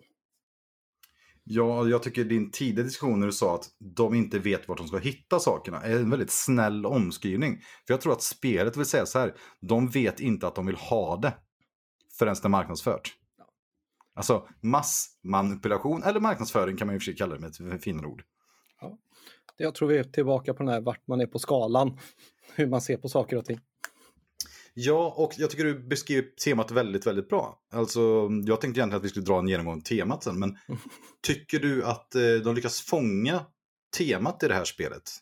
Alltså, känner man sig, känner man sig som man skulle göra på något sätt om man var en aktör på snabbmatskedjan och skulle konkurrera med andra restauranger? Jag känner mig ju lätt sociopatisk när jag spelar de här spelen. Okej, okay, det får du utveckla. Nej men så här, eh, jag måste sälja mest hamburgare för jag måste tjäna mest pengar. Och innebär det att just nu är det ingen som vill köpa pizza, varför ska jag då ha en pizzakock eller någon som gör pizza? Den personen är ju totalt menlös. Så det är lika bra att sparka den, det går ju alltid att anställa en ny, även om det tar lite tid och är lite jobbigt, men den är ju totalt menlös att ha i mitt stall utav personal, för alla vill ju bara äta hamburgare just nu. Ja, det är ett sänke liksom, det är bara, dropp, det är bara droppa. Ja, precis. Det är ju bara en börda liksom. Någon annan gång kan det ju vara världens bästa person och som du vill ha som din bästa kompis för det är den som kommer dra in pengarna. Men det är ju inte nu. Ja, just hur... Jag tycker också att man... Jag, jag, känner så här, hade jag, hade jag varit en av dem som drev utvecklingen av snabbmatskedjorna på 90-talet med Burger King, McDonalds och så vidare när de kom in i Sverige. Och man ser bara så här, okej, okay, McDonalds öppnar upp en i lokala gallerian. Vi ska vara där. Mm. Vi måste vara där. Om vi inte är där, då jäkla smäller vi upp stora skyltar och att om vi har, vi bor runt kvarteret här borta och jädra vad billig mm. Whopper vi har. Alltså, jag, men jag tror, alltså verkligen, ja. jag, jag, tror, jag ska gå ut hårt och säga det, jag tror att det här är det mest tematiska spelet jag någonsin har spelat. Ja. För att jag tror verkligen att känslorna som väcks i mig är exakt samma som skulle väckas i en, en företagsägare i den här situationen. Typ att varför ska någon annan sälja sin mat? Varför ska inte jag få sälja min mat? Ja, ja de andra har slagit upp den här marknadsföringen, men vilka, vad korkade de var att de gjorde det? För vi har ju rätt att sälja vår mat precis som dem. Därför gör vi bättre marknadsföring, så att de kommer till oss istället. Ja, eller gör samma produkt fast lite billigare. Så att de kommer oh, till oss istället. ett härligt priskrig, det gillar man ju. Och det ser man ju här också, hur, varför man vill undvika det, för det blir ibland sämre för alla. Mhm. Men så länge man själv tjänar mest pengar så är det okej. Ja, och det är ju alltid det det handlar om. Tjäna mest pengar. Ja, och vi har... det här är ju marknadskapitalismens ultimata form i ett brädspel. Så skulle jag vilja säga. Ja, ja det, är, det är så van... alltså, rent tematiskt, jag tycker det här är så vansinnigt bra så... Och då vet jag att folk tycker att det är jättefult spelet och att det är kassakomponenter skulle många klaga på. Eh, det vet ju att vår kä- kära eh, youtuber Niramas, han Mm. hatar ju splotterspel. Jag vet inte om han Mm. spelat något någon gång, men han hatar ju dem. För, Jag tror han har sagt eh, förvånansvärt bra saker för att vara om splotterspel om Food Chain Magnet. Jag kommer inte ihåg hur det var att det inte fick vara för många eller det fanns någonting men jag tror han tyckte det var ett bra spel. Ja, han tycker det ser hemskt ut men nej, jag tror han nej, tycker det är ett spelbart spel. Nej, nej, nej, nej, nej. Nej, och det, det ska vi säga här att det finns ju en stor grupp som faktiskt avskyr de här typerna av spelen. Ja. Och eh, då är min fråga till dig, tror du att, eh, nu säger inte jag att just eh, Niramas skulle göra det här, men för vi diskuterar alltid, vi, vi, alltså, vi tycker alltid om att munhuggas, Mm. han och jag. Och vi har lite olika syn på brädspel och ibland så hamnar man i det här, jag tycker Xbox är bättre än Playstation-känslan. Ja. Och jag undrar, är Splotter en den här typen av eh, vad ska man säga, uppdelning av ett community? Som ja, men Nike mot Adidas. Eh, Nej, jag tror det här är elitismens högborg och så är det nog bra där. Så det är folkliga versus elitismen då till exempel. Och jag tror många som spelar splotterspel likadant som vissa som vill framhäva saker om 18xx är lite samma sak. Att man vill, jag säger inte nödvändigtvis att man vill framstå som elitistisk, men jag tror gärna man vill bli framhävd som elitistisk. Okej, tycker du att våran podd är en elitistisk podd? Det beror ju på hur vi definierar det, men eh, vi har väl några högskolepoäng under våra gemensamma bälten. Vi är vita män. Vi lever väl ett hyfsat bra liv bägge två. Jo, men tycker du att vi eh, är, är med i den här... För vi, det var ju därför också vi pratade om att vi skulle ha ett D i tu- Tunga Mm. brädspelspodden. Ja, precis. nej jag Att tycker inte du, du och jag är elitistiska. Okej, vi är självgoda och elitistiska säkert då helt enkelt. Ja, säkert är det så. Okej. Eh, men vi har gjort fulla av dubbelmoral förut, så det är väl ingenting som ändrar sig nu. Nej, det är, det är ingenting som händer sig. Okej, men om du förklarar mekaniken i spelet då? Vad, Ja, jag måste bara skulle- säga det. De, jag, gill, jag brukar normalt vara så här, ja men det här var väl snyggt. Så. Ja, det här spelet är ju helt underbart uppgjort, alltså det är ju så Designen bra då, menar du temat. Designen ja. Som när du kollar milestones, allt det finns liksom i en snabbmats, eh, sån här som man får när man går och käkar, vad heter det? Meny liksom, det är, det är gjort på det sättet. Sen är ju komponenterna lite sådär. Ja, precis. Erik håller upp en meny där med milestones och hur man tränar sina personer och sådär. Och, det är ju- och själva, Player den Ja. är ju så genialt smidig och den följer med spelet. Varför gör den inte det i alla spel? Varför får man inte bara en player med? Sån Ja, men idioti liksom. ja, men den är så magisk. Och det bästa är ju hur, den, hur spelet är uppbyggt, vilka faser. Då är det 9 Mm. to 5 Mhm. som simulerar en arbetsdag. Och sen så är det då liksom nattskiftet som kommer på expansion och så vidare. Men, men, nej, men det, produktionsmässigt så tycker jag ju att det här är superfunktionellt förutom att det tar upp ett helt jäkla bord för det är kort överallt. Det är ju väldigt mycket Ja. kort i det här spelet. Det är ju en spelplan och bara kort Ja. i princip. ja, men det är väl lite som Terraforming Mars. Det tar upp lite mer plats än det borde behöva göra. Tro, ja, okej nu kommer jag nära att fråga om Terraform Mars är folkligt eller elitistiskt, men vi, vi hoppar Terraform Mars eh, vad, Mello eller Einstürzen Neubauten? Ja. Men okej. Vad är det för mekanik i spelet då? Ja, men jag har försökt förklara mekaniker typ tre gånger nu. Halvvägs igenom så säger du va? Jag förstår inte vad du menar. Så jag släpper den till dig idag. Nej, så får du nej, försöka nej. förklara. Så kan jag avbryta dig idag och säga men Erik, det där förstår ingen. Okej. Så kan jag ta Eh. nästa istället. Saken är så här att jag skulle nästan ha velat att du skulle eh, hade velat förklara det för att jag tycker det är svårt. Men man kan väl egentligen säga så här att först och främst har man ett bräde som simulerar staden. Det är i mitten mellan alla personerna. Eh, Man har det brädet, det lottas ut och är random och är väldigt viktig för spelet. Alltså att Mm. setupen är modulär på det sättet, eller kallas modulär, var, varia, variabel. Så att varje stad kommer i princip vara unik. Vilket gör att en stor del av spelet är att kolla på ursprungliga spelplanen och fundera hur påverkar det här mina strategiska val i spelet? Hur, hur, var ska jag placera min restaurang och så vidare. Sen händer det första som händer i spelet är att man ska placera ut varsin restaurang. Mm. Och det är extremt avgörande för att det är avståndet som påverkar vilka som vill komma till dig lättast. Mm. Så du vill alltid vara så nära som möjligt, så många potentiella köpare som möjligt. Och det jobbiga är ju då om man lägger sig på bästa stället så kommer fler vara där och då har du högre konkurrens. Och då vet vi hur det är i konkurrens. Du vill gärna vara själv och ha ett monopol, det kan hända ibland, etc. etc. Efter det här så går man in i arbetsdagen och då har, har man kort. Man startar med ett kort som är CEO, du är företagsägaren, du, eller chefen, du har, får rekrytera en person. Och då finns det en, som Martin sa, alla de här praktikanterna man kan hyra in, vilket är, tror jag med alla moduler, tio olika kanske? Något sånt. Tio olika.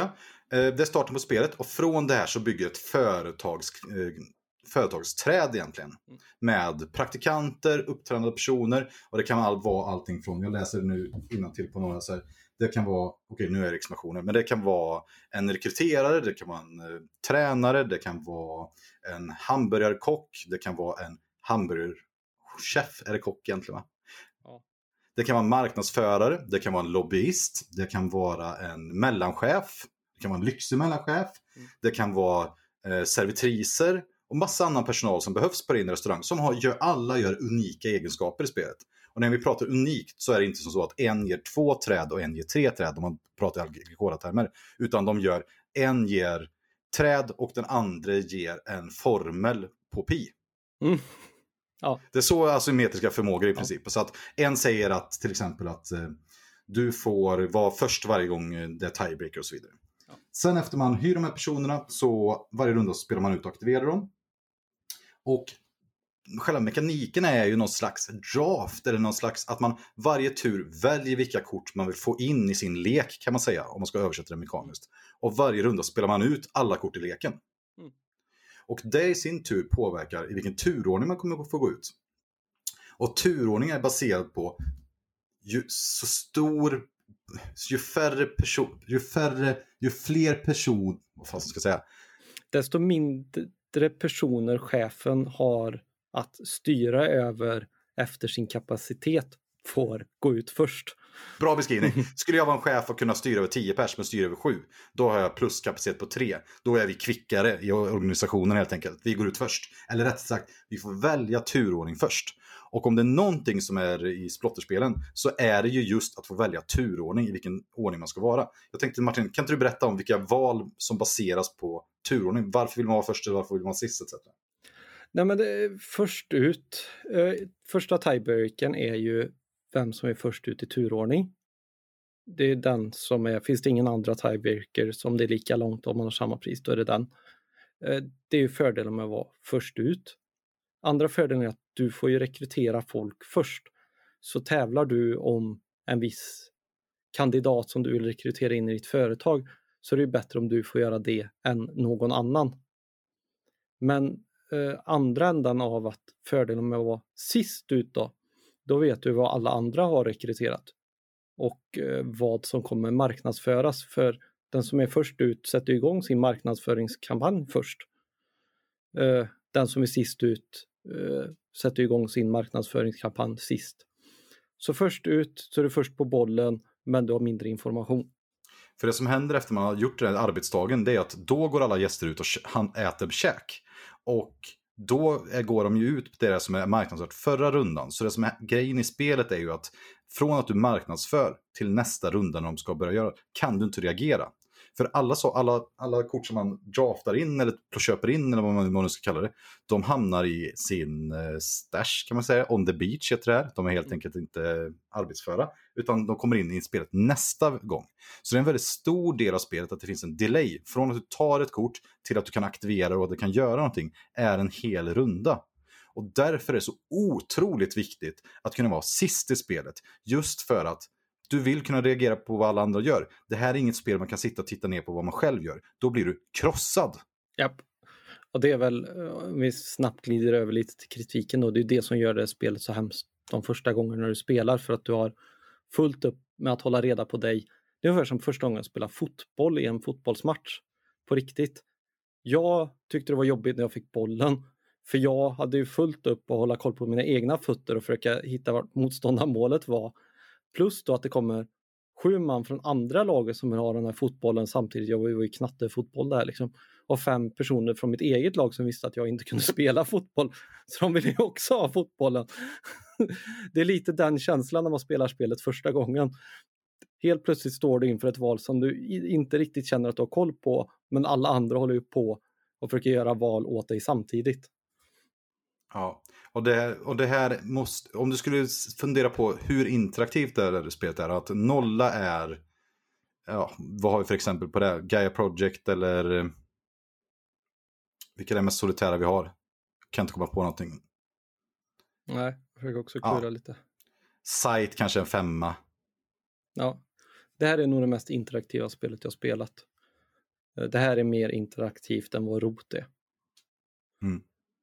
Ja, jag håller med. Alltså, spelet är bara vad alla andra gör. Ja. Det gör ju från att du kanske, lägger du det rätt så kommer du vinna en på en runda för att du får sälja dina varor till så ofantligt överpris för att ingen annan kan sälja dina varor så du kan ta ut så ofantligt mycket mer för dem. Så spelet tar slut till att eh, det kommer vara tio runder till för att någon annan kunde göra det och det blev ett priskrig istället. Och, och det, det jag säger att det, man skulle, om man fick välja spelet så skulle man ju alltid vara sist. Egentligen, alltså om man fick välja mellan sista först. Det är ju så otroligt stor fördel att vara sist. Så att det intressanta är att sättet att bli först är att om alla spelar ut, för ofta är vi, du behöver nästan spela ut alla kort för att de är så kraftfulla. Och då blir det så att om alla spelar ut alla sina kort, alla fyllt sin företagskvot, det som Martin sa då är att den som då var först förra gången bestämmer först vilken i turordningen den ska vara den här gången. Mm. Vilket gör att när jag får chansen i det här spelet, som vi kommer att prata om sen i strategi, så väljer jag att vara först. För att få välja när du ska vara sist för att få välja när jag vill att det ska vara sist. Alltså att jag försöker pricka in på en viktig runda att vara sist. Och den jäkla tajmingen, för varje gång du är först så förlorar du lite. Alltså det är ett av de svåraste valen i alla spel jag spelar tror jag. Ja. Och gör man lite misstajmat, alltså det är helt förödande. Mm. Är det nu vi ska prata om första gången du spelar det här spelet och jag gav dig råd? Ja, eh, kritiken mot det här spelet då kan vi ta upp att det här att folk säger att det är skriptat.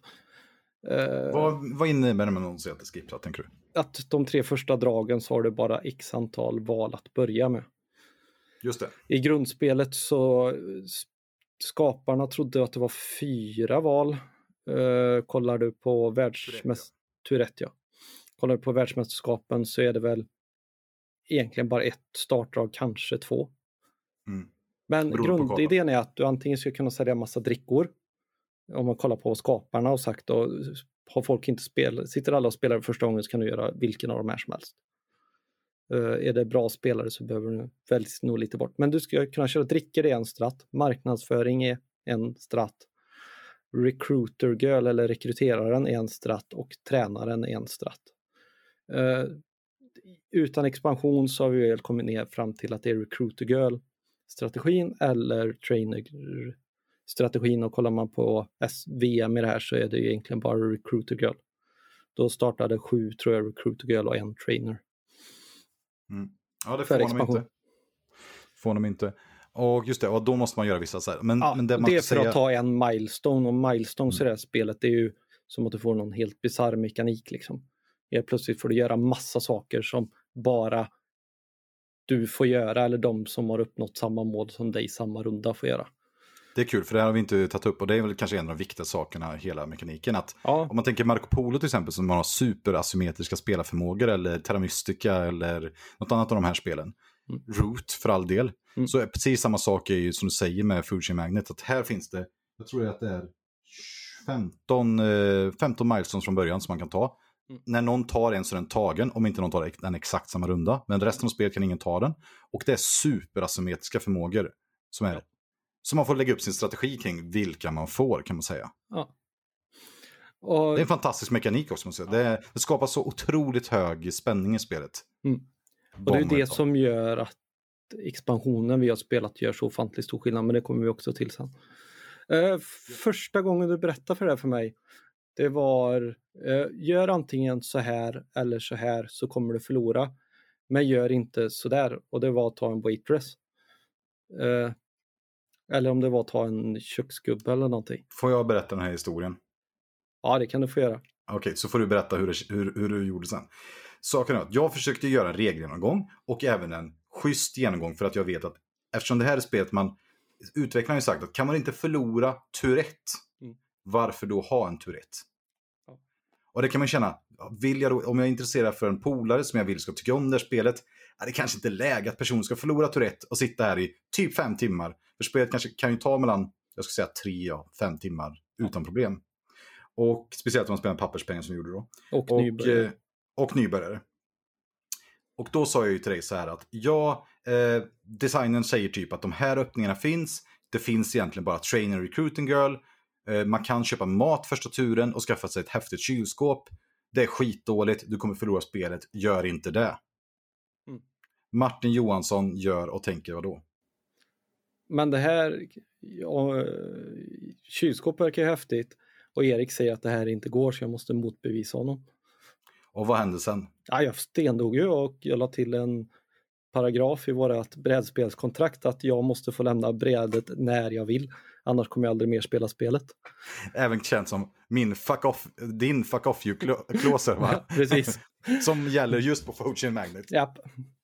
Uh, nu har jag spelat spelet tillräckligt mycket så jag får nog revoka den.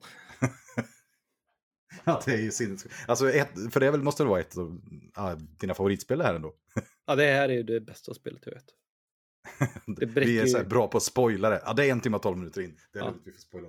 Men... Ja, det, det här det kanske 1849 är bättre, kanske. Men nu när man börjar spela det här igen, jag vet inte, alltså det är så underbart. Men vad säger du om den skriptingen då? Att det är bara att man kan, typ som i schack, att det finns en massa öppningsdrag och så vidare. Vad, vad säger du om det? Ja, ja, mig gör det ingenting. Eh, det finns ju tre olika varianter. Det var där min, eh, jag skulle lyfta det. Om man nu tycker att det här är ett bekymmer så är mitt speltips till er, det är eh, starta bara därifrån. Ta den milestonen, antingen recruiter girl eller trainer. Ta den, ta det ni ska ha och så startar ni därifrån runda ett istället och så kan ni strunta i att starten är skriptad utan då får ni bara välja vilken ni vill ha. Om det, ja, det är ett bekymmer. Alltså grejen är så det här jag tycker vi människor är så himla usla. Och det är jag själv inkluderat. Alltså det här handlar ju om perception på något sätt. Mm. Om någon har sagt till det, det här är dina startförutsättningar. Mm. Så hade man varit jätteglad och tyckte det var jättehäftigt. Ja.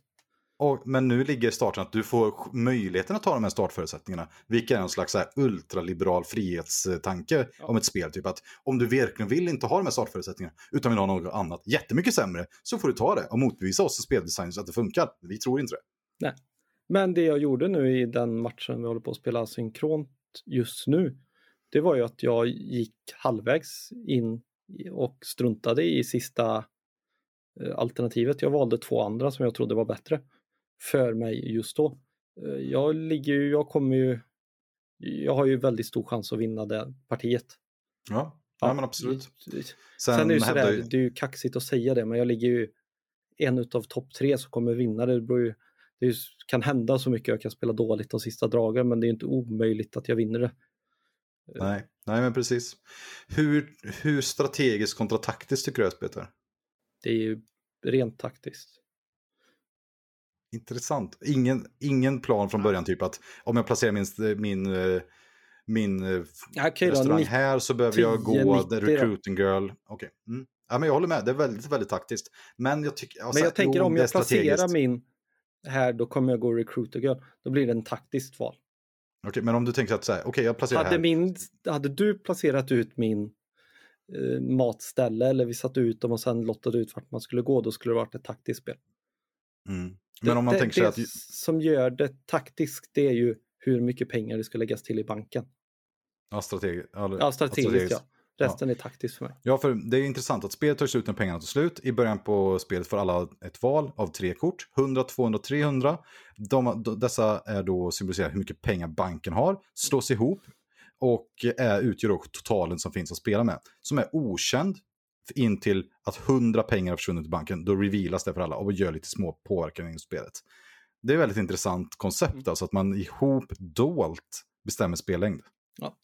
och där kommer vi in lite till skriptat. Ska, där finns det ju sådana här vägar att gå. Om jag ska spela recruiting girl, då vill jag ha 100 i banken för jag vill att den ska springa så fort som möjligt. Nu hittar jag bara på att det är så man vill spela, men det finns ju lite sådana strategival som man kan ha före man sätter sig ner. Man har en kurva man ska gå efter och sådär. Men ja, det beror ju helt på vad alla andra gör, så det jag tycker den blir orelevant. Eller så kan jag inte spela tillräckligt bra. Ja, men jag tycker, om du ska ha en trainer, mm. till exempel, då, då tycker jag att då finns det några saker som du måste nå. Så här, antingen kommer du försöka nå den största mellanchefen som kan ha jättemycket folk under sig, eller att få en snabb radio som tar över hela stan med marknadsföringen, för alla lyssnar på radion. För det har ju en sån här skön 50-tals 50 estetik i det här spelet, som är väldigt ja, bra. Um, eller så kan du ja, eller gå gurun då, som är någon slags supertränare som drar in alla folk och ger dem jättehäftiga kickar på upp, uppträningen. Och det är ju en strategi som man måste liksom förhålla sig till. Sen gör man massa taktiska val runt det här. Så för mig, jag skulle säga att det är ganska högt på strategi, men du måste hela tiden göra taktiska avvägningar. Ja. Men, men, men däremot om man spelar Recruiting Girl så är, spelar du mer reaktivt och då blir, antar jag att spelet blir mer taktiskt. Ja. Mm, så är det nog. Och... Men det är i alla fall, vi kan komma överens om att det är väldigt mycket mer taktiskt än det är väldigt reaktivt spel, för jag säga. Ja. ja, men jag håller med. Jag håller med. Och eh, om man då ska tänka här nu skillnaden mellan expansionen och grundspelet med att man har bytt ut milestonesen. Och jag ska säga att de här eh, modulerna som inte vi har spelat är helt fantastiska. Det finns bland annat att man kan ha en barista som eh, ser ut som en hipster som säljer mm. kaffe till folk. San ehm, Francisco-expansionen är det. Just det, Martin berätta en historia här. Vill du berätta den nu eller? Ja, kör du. Ah, nej, men att eh, de har släppt promomaterial i olika länder för att spelet varit så populärt i Japan och Sydkorea och Kina. Och då gjorde de små minimoduler som de aldrig, aldrig egentligen gör eh, med nudlar, kimchi, sushi och eh, kaffe i, i de olika respektive. Sen har det blivit då hela den här superexpansionsmodulen där det finns vägbyggen, det finns eh, förorter, det finns höghus, det finns eh, lobbyister som kan påverka kommunhuset hur de ska dra vägar etc. Och eh, det är ju helt fantastiskt. Till exempel sushi-expansionen är ju att den påverkar jättemycket vilka som vill äta mat och vad de ska ha. Och, men det är intressant att de påverkar bara de husen i spelet som har trädgård. Ja, så de fina husen. Så de fina husen i spelet är de som vill ha sushi. Mm. Alltså, ja, men jag tycker att den här, detalj, den här känslan för detaljerna på den här satiren, om man ska kalla det, samtidskritiken, ja. är fantastisk i det här spelet. Ja, det håller jag med om. Uh, jo, men det vi har spelat det är ju att uh, vad heter det? Modul, ja, utan moduler, men som sagt, du har ju fått helt andra öppningsstrategier och sånt där att ändra någonting så litet eller så få grejer kan göra om spelet så ofantligt mycket. För egentligen samma grundspel, det är bara att du får nya tuffa superförmågor som är helt annorlunda än de första. Jag kommer bara ihåg när, vi, när du öppnade det och du ringde mig. Så bara, man får det här och man gör det här. Fattar du? Det är ju helt sjukt. Men det sjukaste är, det är inte det här, bara det här som kommer hända. Gör du det här istället, då får du det här. Och det måste ju vara ännu bättre. Ja. Mm. Men det är verkligen sån, av alla, riktigt wow-känsla bara. Det här känns helt sinnessjukt. Mm. Och då måste jag fråga dig, så här, eh, vad innebär en bra expansion för dig? Alltså, för det finns ju så olika typer av diskussioner. Våran eh, syskonkanal här som inte, eller ja, vi är det dåliga barnet eller svarta fåret, men, ja. men som man pratar om expansion, de pratar om någon så här plåster eller bandageexpansion eller kontra, jag vet inte riktigt exakt hur deras terminologi var, men vad, vad, är, vad är en bra expansion och vilken typ av expansion är det här? Jag skulle nog vilja säga att det finns tre expansioner generellt. Plåsterexpansionen och det borde bara vara i rata. Ja, det, en det är ingenting patch man, typ som man har ja, i dataspel. Ja, det är ingenting man ska behöva betala för egentligen. Eller kommer det nya komponenter så får man väl kanske köpa dem. Men det ska ju stort sett, det ska inte säljas som en ny expansion som något nytt stort, tufft och häftigt. Det är jag emot. Det är väl deras plåster. Expansion nummer två, det är att du utvidgar världen så att den blir större. Eh, du får mer saker. Den blir kanske inte lika linjär som den var innan. Och expansion 3 som jag nästan skulle påstå att den här är, det är ju att du gör ett helt nytt spel med samma tema och använder delar av grunden. Så fan Martin vad du är smart ibland. Alltså, det här tycker jag är en sjukt bra förklaring av tre olika expansioner. Ja, och det här är ju den sista då som vi är inne på. Så egentligen är det här ett omgjort spel? Ja. Men... Ja, håller med. Du vet vad det, det, är ju svindyrt också. Vad kostar det? 1100 något när jag köpte ja. den här expansionen. Men jag tror inte du tycker att det är så jobbigt om du får spela det här spelet och betalat de 1100. Nej. Nej. Nej, men, men och, nej, jag tänker så här, om vi nu går tillbaka till spelvärlden då. Uh, Starcraft har vi spelat när vi var små. Mm. Uh, Starcraft 2 har jag spelat mycket i alla fall. Kanske inte supermycket. Ja, men jag har spelat mycket. Jag tänker att det ena är som att släppa Starcraft 2 från ettan. Foodchain är Starcraft 1, uh, Catch Up är Starcraft 2. Och då vet vi också att Starcraft 1 Brood War är ju det bästa. För Brood War, ja. själva expansionen till Starcraft 1, är ju som du säger en, för en, vad ska man säga, en expandering snarare ja. av originalspelet. Ja. Ja, men, men jag tycker du träffar helt rätt. Det här spelet, man använder samma komponenter, det är samma känsla, men det här är ju ett nytt spel. Det hade kunnat heta Food Chain 2 egentligen. Ja, precis. Och jag tänker då eh, bara göra det vi har gjort och spela med de här lilla expansionerna, ska säga. Det behöver du inte köpa allting, det finns på nätet. Det är bara att skriva ut en sida och så är det bara att tuta och köra och så är det klart. Liksom. Ja. Men samtidigt så är ju Splotter en sån liten designstudio, så är det några som jag tycker man ska köpa spel av, så tycker jag det är, det är de här gubbarna. Alltså. Ja, det håller jag med om. Men jag menar bara, vill du testa på det så behöver du inte lägga 1100 spänn Nej. för att göra det med den här lilla förändringen om du tycker att ditt spelgäng har fastnat i, i något stalemate och spelat för mycket. Eh, så ja. är det ju en jättegrej för att pimpa upp uh, speltillfället. Liksom. Håller helt med. Det som är så intressant med det här sättet att se på en expansion är ju att det inte ersätter originalspelet. Nej. Att, att det här är en annan grej. Och för det är ju verkligen det jag landar i. Jag vet, som jag kommer, vi kommer att prata om snart här, hur, hur bra den säger, hur roligt det är. Det skiljer sig så otroligt mycket. Om jag får fråga dig, om du, om du rent känslomässigt när du spelar expansionen med nya milestones mot original-milestonesen, hur tycker du vad blir skillnaden på känsla i spelet? Jag tycker att originalspelet är mer cutthroat alltså. Det är ju kniven mot strupen konstant och så väntar du bara på att Brutus ska krypa upp bakom ryggen på dig. Eh, ja, men, men jag håller med, för det, det som är saken är att jag tycker att de har förändrat spelet, det är tempot. Vi pratade lite förut om det här med turordning, att, att det tar en hel tur innan man kan aktivera saker. Och det är någonting vi verkligen har pratat om när vi spelat Fujin. Mm. Att när man märker att någonting börjar gå till skogen i, i originalspelet, ja. då brukar man ofta vara en eller två turer för sent ute. Ja. Och sen börjar man reagera på det, då blir det ytterligare en eller två turer för sent. Yep. Så det tar ofta fyra turer då att reagera på någonting som kanske inte ens är relevant längre när du väl sätter in plan. Alltså det, är så, ja, det, det, det, är verkligen som du har världens mäktigaste tank, men den är sjukt långsam att svänga med. Den ja. känslan får jag när jag spelar originalspelet. Tycker du att den är på samma sätt i eh, expansionen? Nej, det gör jag inte. Och det är ju för att den här milestone, lemonad milestonen, som säger att man tränar folk när, i, när de redan har sitt arbetsskift. Alltså när de är aktiva och ska göra saker så tränar upp dem så gör de en häftigare effekt direkt. Ja, precis. Plus att marknadsföring i det här är ju ett sätt att tjäna pengar i sig själv. Och det gör att de här priskrigen kan bli riktigt brutala men det tickar fortfarande iväg pengar från banken.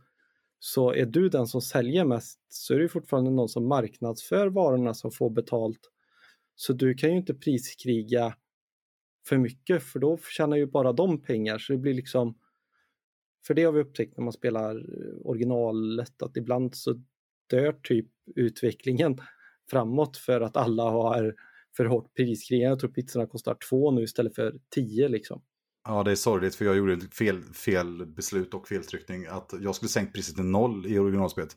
Vilket gör att ingen känner något förutom att jag känner lite för att jag är bäst på marknadsföra pizza. Så att jag får lite bonus. Och så måste alla betala löner och till slut får alla kicka allt folk. Och så står man där som ensam kvarlevare. Och det är ju då, pratar vi i IRL, så pratar vi att det är fem timmars spel då helt plötsligt. Ja. Och jag tror att en, en viss skärm med den här expansionen, det är att det är mycket snabbare. Ja, det tror jag också. Spelet pushas alltid framåt. Ja, och det är ju, jag tror det är framförallt det är roligt för de som inte är med och klä, som känner att de inte kan tävla om första platsen. Och det här tror jag är ett spel som man nästan alltid kan komma ikapp i. Eller om man tänker tillräckligt långt bort så kan man nog vara med på banan igen. Förstår du vad Okej, jag du menar då? Ja, ja, jag, jag tror att du försöker du säga får- så här. Ja, Om man inte är kass och inte ger upp så finns det goda möjligheter att folk krigar ner varandra så att man själv kommer tillbaka. Just ger upp tror jag är det viktigaste där. Om du kan lägga om en ny strategi som kommer hända saker om två timmar. När du har spelat i en och en halv timme och sen måste lägga två timmar till på att göra någonting. Då tror jag fortfarande du kan komma ikapp och vinna. Det här är alltså personen som sa att det var ett väldigt taktiskt spel och sen pratar han om lägga om strategin, komma tillbaka om två timmar. Det är, alltså det är ändå jävligt gött. Det, alltså det är ändå då är viss, du- viss... Då är du ju inte med och tävlar under de två timmarna. Nej, Då nej. hoppas du bara på att det går bra sen. Ja, jag gjorde det i vårt nuvarande parti. Jag var så här, oh, jag får nog sluta producera varor här. Jag har producerat tillräckligt mycket för att ha i min frys. Och sen så kör vi om fem eller sex eller sju turer. Ja. Ja, det är ett väldigt speciellt spel faktiskt.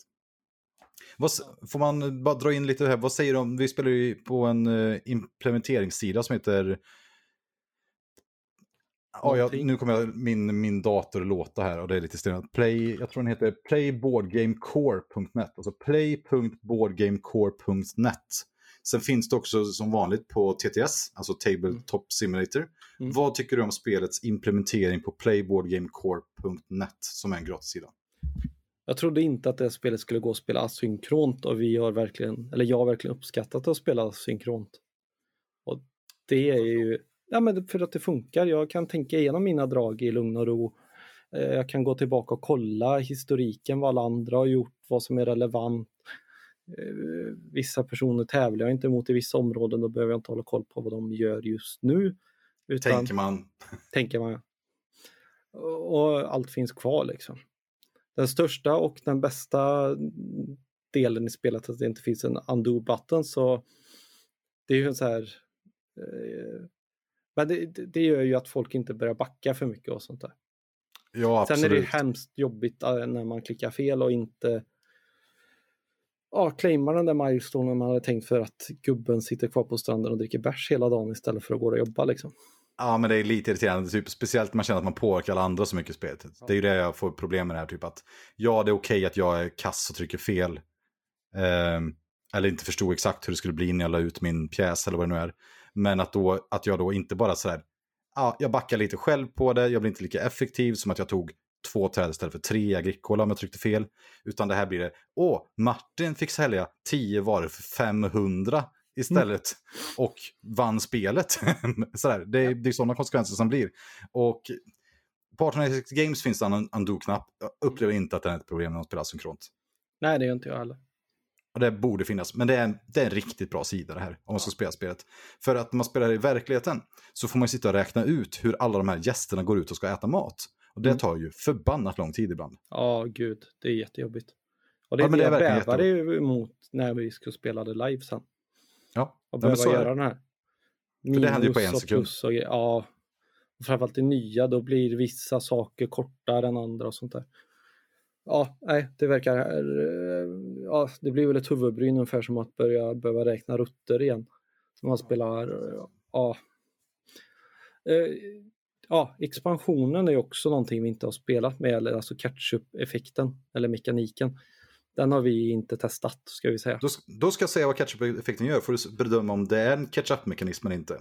Ja, När någon i spelet, när du har marknadsfört en vara i spelet, vilket är en klassiker, så kommer någon annan jäkel och säljer till dem som du har marknadsfört. Mm. En så kallad piggybacking. Då får du en milestone som säger resten av spelet så har du distans minus ett, alltså att alla är, har lite lättare att gå till dig. Ja. I originalspelet tror jag visst, den kan man väl köra med. Då kommer man ju bara marknadsföra någonting någon gång för att få den liksom istället för att få minus ett för allt man säljer. Då kommer jag marknadsföra en dricka som jag inte kan sälja till och så får någon annan ta den. Alltså, för, förlåt inte det här som en offensiv strategi snarare. Ja, det tänker jag Typ så också. här. Ja, i typ så här- expansionen så tror jag den är värdelös. Marknadsföring blev ju precis lite bättre än vad den egentligen är. Den, den bästa saken blev lite bättre. Det verkar ju dåligt. Ja, jag, jag undrar hur den... Man kanske kan använda den också för att slåss mot marknadsförare till exempel. När de ska Jag vet inte. Men, jag, men det var intressant. Jag tror inte det är en catch-up-mekanik. Alltså, spelar man det här spelet för att ha chans att... Mm, om vi säger så här, om man spelar det här spelet för att slumpvis komma tillbaka när folk inte gör det med flit att du ska komma tillbaka, så är det här helt fel spel. Alltså det, finns, det här spelet är ett sånt spel där man, in, där man ibland tjänar extremt mycket på att sparka bromsen när ligger. Ja. Och... Eh, marknadsekonomi är ju inte det fel. nej, nej, alltså man förtjänar ju de pengar man har. Man har ju sin rättighet. Man har själv växt upp givetvis och på sina egna talanger har man ju skaffat de här pengarna. Precis. Ehm, ja, men, Ja. men, men, ja, ja, men jag tycker det här är, jag tycker det här är en intressant expansion och det finns ju massa intressant här som att Night Shift Manager till exempel tvingar praktikanterna att jobba ett extra pass. Mm. Det är en intressant modul. Det finns höghus och ja, det är så mycket. Det finns Gourmet Food Critic. Ja. Får, får du gissa på vilka den påverkar? Det är ju inte alls de med, em, som kan betala mycket, det tror jag inte. Nej, inte de som bor i höghus som gillar, gillar det. Ja, nej, men det är, nej, men det är intressant. Ska Ja. vi prata lite strategi om Jag har spelet? precis tänkt det här. Och jag tror att det här kommer bli vår kortaste strategirunda någonsin. Eller så får vi lägga upp ett eget avsnitt i där vi har lagt upp olika scenarium där vi pratar om hur vi tänker och varför vi gör som vi gör. Rent strategimässigt är eh, har det skitit för dig, andas i 20 sekunder, fundera på vad kommer hända de närmsta två dragen? Kan jag vara med och påverka de närmsta två dragen? Nej, hur gör jag drag tre? Jag håller med. Men med det sagt, nu börjar vi den officiella strategigenomgången av Food Chain Magnate. Och det här är Martin som redan berättat att man ska ta ett djupt andetag, andas, fundera på, kan jag göra någonting nu? Nej, acceptera, ta det lugnt, hitta ditt stodiska inre, kicka lite folk, sitt tillbaka till, i buren på din företagsstol, tänka, de här jäklarna får köra sitt priskrig, jag kommer tillbaka om några turer. Ja. Okej, jag har några saker som jag ska säga. För de som är väldigt ny, nya i spelet och spelar expansionen inte, försök alltid få så många milestones som man kan. Ja. Och med det sagt, marknadsföringsmilestonen stonesen i båda spelen är superviktiga. Mm. Om vi pratar först originalspelet. Tr- tränaren, eller recruiting har redan sagt, man måste börja med någon av dem. Går man tränare så skulle jag säga att man måste ruscha till guru. Ja. Det är den som supertränar sen. Efter det tycker jag att man ska gå antingen executive eh, CEO eller radio. Tycker jag är de två bästa vägarna efter på något sätt. Eh, har man däremot recruiting girl så försöker man ta så många milestones man kan. Mm. Hur viktigt är det att få marknadsföringsmilestones i originalspelet? Som ger en plus fem på alla försäljningar. Det är ju det du vinner priskrigen på. Ja, och Ja. priskrigen, hur, är- hur är tro, troliga att de, att de kommer hända? Spelar ni utan att priskriget har dykt upp så har ni spelat spelet fel. Ja, så superviktiga helt enkelt. Mm. En viktig, vad ska man säga, cheese-stratt som finns i början när man spelar, som du och jag båda vunnit jättemånga gånger på, det är ju att man, när man får sin radio, går sist ut i turordningen, marknadsför någonting som ingen annan kan producera, skaffar en luxuries manager som plussar priset med 10 på alla varor och sen bara vinner spelet på ett drag. Tjänar 300-400 på en försäljning. Ja, och det kommer ju aldrig hända om folk har koll på spelet. Nej, och det skulle jag säga att en av de viktigaste taktiska tipsen i det här spelet, när någon tränar upp till en radio, den turen ska man vara sist. Sättet att vara det, det är inte att ha en tom plats, utan du har varenda jädra tom plats som du kan ha råd med, plus några till. Ja. Jag skulle säga att det är svårt. Liksom, en meta att man har två tomma platser, då ska du ha tre. En meta tre, då ska du ha fyra. Du ska vara sist den turen. Ja. Och är man det, så ska jag säga att en chans att vinna spelet är riktigt stor. ja. Ja, du måste komma efter den som har radio. Ja, och det bygger också, och det viktiga här då att då, det vi, när det börjar dra ihop mot sig där, då vill du ofta vara först i turordningen för att du just på, även ska ha tiebreaker på lika för att kunna gå sist. Ja. Vilket är också en viktig liksom, taktik i det här spelet. Hur ska man tänka när man placerar sin första restaurang? Eh, det tycker jag är jättesvårt, men är du först, det är också så här vart i turordningen är du Ja, men som första spelare. Den bästa platsen du kan hitta på hela kartan. Är det centralt eller ut en kant? Det tror jag beroende på vad du, hur du spelar och det är nog ett val upp till dig. Jag kommer alltid lägga den där jag kommer så nära möjligt, så många restauranger som möjligt och kan få så mycket dricker som möjligt med min kartoperator. Mm. Tycker du en sån placering gynnar, gynnar en recruiting girl-öppning eller en uh, trainer-öppning i originalspelet? Uh, recruiter girl. Ja, håller helt med. Om man spelar expansionen, vilken strategi skulle du tycka att du borde gå då? Marketing. Ja, håller helt med. Alltså ligger man nära i början, centralt på brädet ofta, det gör man ju, marketer i expansionen, överlägsen. Ja.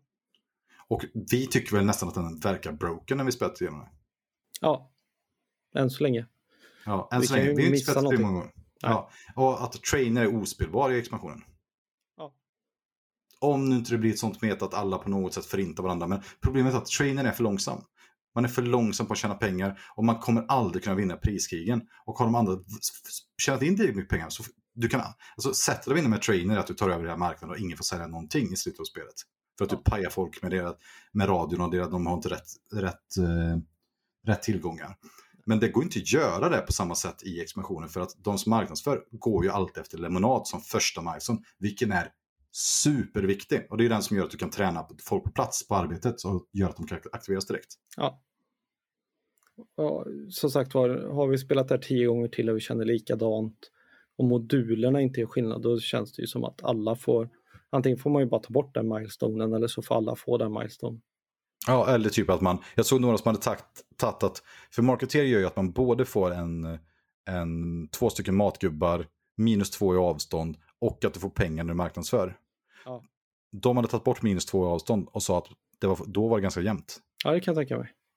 Vilket är ju helt sjukt, för att minus två avstånd är väl hela, det egentligen man tycker är överlägset med den. Ja, definitivt. Men jag tror att det ligger mycket att den här trainen eller att lemonadgubb-milestonen är så sjukt OP. Ja, den är fruktansvärt bra alltså. Fruktansvärt bra. Vad finns det för läskigheter med att gå ut tidigt och köra en marketer då? Som vi sett. Ja, det är om någon annan hamnar efter då i marketer och kan... Vi provar ju det båda två och så hamnar jag före dig i turordningen så jag var ju tvungen till att gardera mig att du inte kunde hitta på satyg i mitt hus och marknadsföra dit så du fick, skulle få två milestones. Så jag var ju tvungen att gardera mig att du inte kunde göra det. Ja, så att vara tvåa som går ut och väljer Markson är en stor nackdel mot första? Nej, tvärtom. Nej, men alltså första turen är man ju först och då ja, på tiebreak nästa runda så är man ju... Sist ja. Ja, ja. Och... ja det är det ju definitivt. Så det är ju no någonting tycker jag som är väldigt viktigt som kommer göra stor skillnad. Och generellt så alla de här detaljerna är ju superviktiga i spelet. Ja, man, eller att du hittar ett hus som bara du kan marknadsföra till. Så kan det också vara. Det tror ja, jag kan bli en viktigare del i metat i vårt umgänge. Och sen att man ska respektera det. det. Det finns säkert, om man är jätteskicklig på spelet, i originalspelet, att man kan gå intercruiting eller trainer som första. Att man kan gå typ marketeer första. Men jag tror nästan att det är omöjligt. Jag tror uh, Gamebrain sa det att uh, har man spelat spelet mer än mindre än 20 gånger så kan man vinna med vilken strategi som helst. Ja, säkert. säkert. Ja. Det beror ju på och... metat och hur duktiga spelare man spelar med och om folk lägger 16-40 timmar mellan spelomgångarna och räknar på vad som är bäst och läser ja. på internet eller om man bara sitter ner vid bordet, det här verkar kul. Och nästa gång sitter ner vid spelet och tycker att det här verkar kul. Ja, jag håller med. Men annars rent generellt så tycker jag att det är som det här är så otroligt beroende på vilka man spelar mot, hur, hur kartan ser ut, så är det ganska svårt att ge några bra tips. Jag tycker det finns lite bättre och sämre kort och sådär, men jag tycker det blir lite för petigt det jag pratar om egentligen. Det jag tror det viktigaste är att du lär dig eh, lite som folk pratar om, att man ska lära sig tilesetten till vissa 18 X6-spel. Mm. Vilka tiles är viktiga? Så är det likadant att du lär dig rekryteringsstegen i det här så att du faktiskt vet att du kan plocka det du vill när du vill plocka det. Ja, och, och det är som vi har sagt innan, att vissa av de här yrkena som det bara finns få av, mm. att det är en sån viktig avvägning att kunna göra att oj, de andra verkar gå här mot nu behöver jag vara först snarare än sist. Mm. Och lyckas tajma in det. Generellt, man ska aldrig underskatta att få chansen att vara sist alltså. Nej. Därför tycker jag om att, är jag tidig mot radio så tycker jag om att spela, skaffa en radio, men spela ut ett flygplan när folk förväntar sig en radio. För flygplanet originalet gör ju att man får plus två i beräkning mot turordning. Mm. Det är fruktansvärt kraftfullt, om det finns det tempot kvar i spelet. Då. Uh, ja, alltså jag har inte så mycket mer att säga om det här egentligen. Förutom, uh, hur ska man tänka kring de här startpengarna? Uh, vill du avsluta spelet fort eller vill du avsluta det långsamt? Fort, när vill jag, när vill jag avsluta det tidigt? Recruiter Girl är väl kort eller medel, beroende på vilken strategi du har.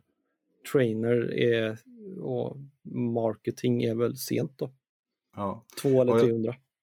Ja, på grundspelet tycker jag att Recruiting Girl-strategin är ju väldigt viktigt att man kan få CFO som du fick i vårt parti. Alltså den som är först till 100 får 50% mer av alla inkomster resten av spelet. Så vilket är en brutal milestone att få. Den är, ja, vissa säger att den är OP, det tycker jag verkligen inte, utan jag tycker den behövs för spelet, att det ska kunna driva på och så vidare. Och alla är där för att spela den, som det gör att de tidiga strategierna är lite bättre. Men vi var ju eh, tre som var på väg att få den samma runda, jag, jag lyckades få den själv. Ja, det mm. var ju avgjorde mot mig. Okej, okay, men vad säger vi? Ska vi gå in på våra omdömen om spelet? Och ja. tips? Jag kan bara säga en sak. Jag har suttit, det har jag nog aldrig gjort med något annat spel, jag har suttit och gjort lines för hur jag ska kunna, nu har jag, känner jag att jag har lagt ner jätte, att det här blev jättestrategiskt. Det är jättestrategiskt när man inte sitter vid brädet. Eller det är visst det, men det är väldigt mycket mer strategi att tänka ut före du sätter dig ner. Det kanske det är det som är definition strategi. på strategi va? Ja, precis. Ja. Okay. Men, det, men det, är ju väldigt taktiskt också. Ja, det blev inte bra där. Ja, men jag har suttit och gjort lines hur jag ska kunna, om jag anställer den då kommer jag behöva anställa den för att den turen hamnar här. Är det bra? Nej, jag vill hamna här istället. Så jag har förra vändan vi spelade suttit och gjort så här i typ Excel-dokument. Hur man ska göra, vilken strategi jag vill ha, hur och när jag vill hamna vart. Ja, och då kommer man in i att de här är essential för min strategi. Här är flex-slott. Det här, här är min slott jag kan reagera på lite vad folk gör. Som man kan känna igen från Hearthstone eller från Starcraft. Min bild då det ser ut på det här sättet. Och den sträcker sig bara en, men den sträcker sig också bara en jätte, jättekort bit in i ja. spelet. Sen så är det lite så här, okej, okay, någon marknadsför skitmycket pizza, jag måste skaffa pizza. Ja, men då kommer inte jag sitta, om min plan säger att jag ska skaffa skaffa en ny marknadsförare, för det är de som redan gjort det. Då måste jag ju börja sälja pizza. Liksom. Det är bara släpp marknadsföringsskylten, dra upp pizzaspaden och kom in i matchen. Ja. Uh, ja. Det här är ju enda gången jag skulle säga nej till att få spela det här spelet, det är om jag är för trött. Nu, börjar du på vårt omdöme här nu? Ja, du sa ju att vi skulle gå dit.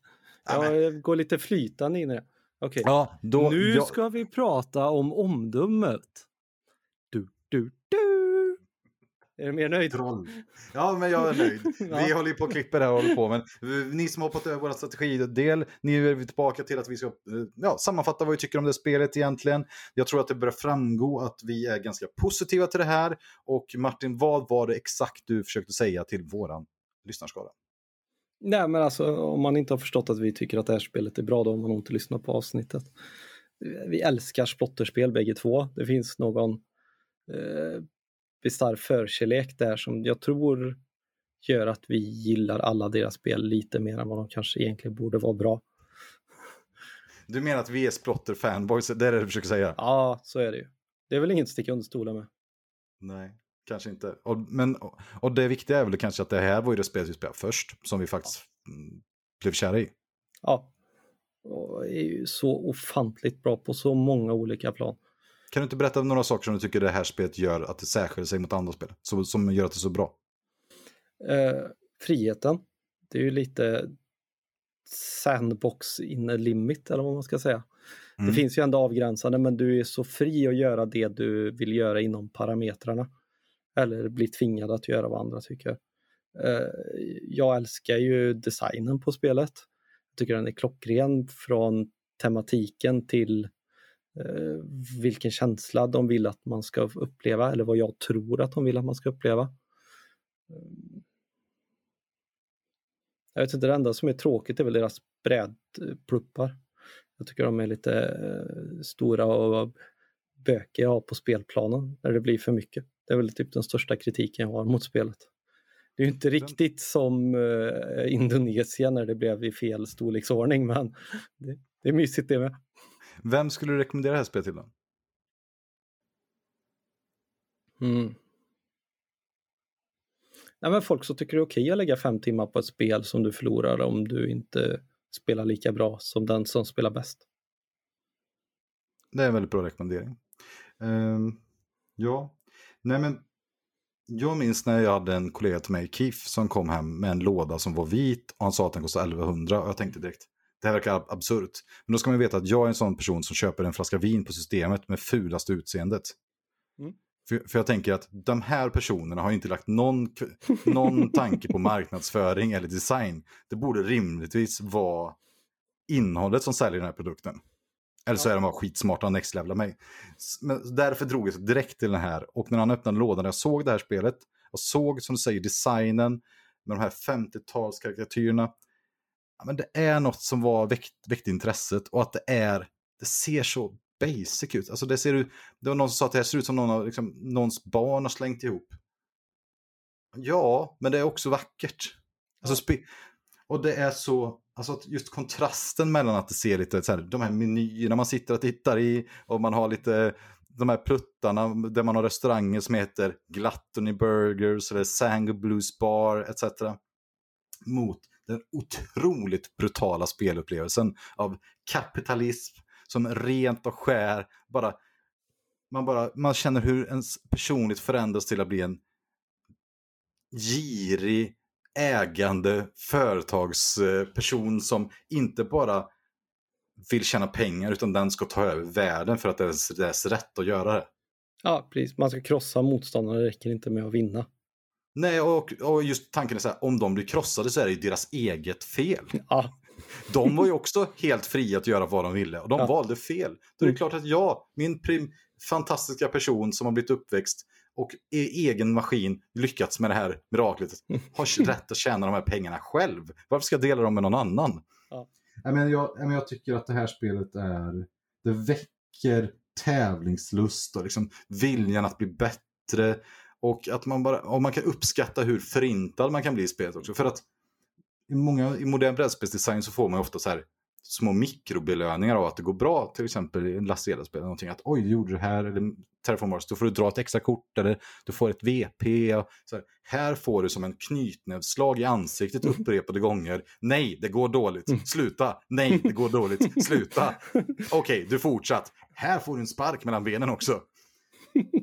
Ja. Och när det går bra så är du top of the world! Jag, och då känner man också just det att man har förtjänat här. Jag, tycker, jag, jag tänker att den känslan finns just inbyggt i vårt moderna samhälle. Att de det går bra för uppriktigt känner att jag förtjänar det här. Ja, lite Wolf on Wall Street. Ja. Eh, jag har hittat ett kryphål här som gör att jag kan tjäna hur mycket pengar som helst. Varför ska jag inte utnyttja det? Ja, exakt. Och det här spelet lyckas fånga det perfekt. Och jag just, det är inte ett perfekt spel. Alltså det här originalspelet när det blir så fruktansvärt långt, de här priskrigen, och det handlar bara om och det är, vi måste sitta och räkna de här rutterna som inte nästan spelar någon roll. Det blir mekaniskt, det blir grindy, det blir ganska trist ibland. Mm. Men det här är... Det är så illa en... som man skulle kunna tro att man blir grinig liksom. Ja, men det här är, måste, för mig är det här nio och en halva eller tia. Och jag tycker det här är ett fantastiskt brädspel som alla som gillar lite tyngre eurospel borde spela. Ja. För i grunden är det här ett mäktigt, alltså du bygger en av de mäktigaste motorerna jag någonsin sett i ett brädspel. Och spelet tar inte slut när den fungerar. Du får faktiskt Nej. köra den en stund. Och testa den mot de här andras motorer. Och ibland mm. är det ju katastrofkänsla på det. Ja, Man bara, mitt vackra imperium, mm. allt för den här gick åt skogen för den här priskriget eller den här marknadsföringen eller vad det nu var. Nej, jag, jag, tycker det är vansinnigt bra. Jag skulle rekommendera till alla personer som gillar att tävla i brädspel. Mm. Alltså inte tävla som så att jag ska åka iväg och spela en tävling, men alla som vill känna att det jag gör i spelet påverkar om jag vinner eller förlorar i väldigt hög utsträckning.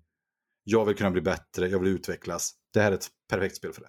Ja, det handlar inte om, alltså självklart umgänge kring bordet är viktigt, men det är inte där fokusen ligger när man spelar det här spelet. I alla fall inte under sin egen tur, för då blir det en extra timme. Alltså, det är klart man kan vara supersocial med spelare. Vi skrattar ju väldigt mycket och åmar oss och går, alltså man kan ju verkligen... Ett kapitalistiskt hånskratt åt någons mm. usla position passar ju väldigt bra i det här spelet. Ja, definitivt. Och jag minns det också när det var någon som blev nervös för att jag ställde mig upp upprepade gånger. Ja, du gjorde det i power move typ andra eller tredje gången vi spelade här. och försökt ta upp så mycket plats som möjligt som någon alfahane som du aldrig gör annars. Förutom när du typ har druckit en vinare på 30 minuter och vi spelar 18x6. Men vad ska jag säga? Det kändes ju som att du bara gick runt i rummet för att visa att du var störst, bäst och vackrast. jag, jag, jag tolkar det bara som att det var ni, ni småsinta småborgare som inte tog tillvara på era möjligheter som såg på den här eh, opportunisten. ja. Det är sinnessjukt det här spelet alltså. Ja, det är ja, men, jättebra och... upplevelse runt bordet alltså.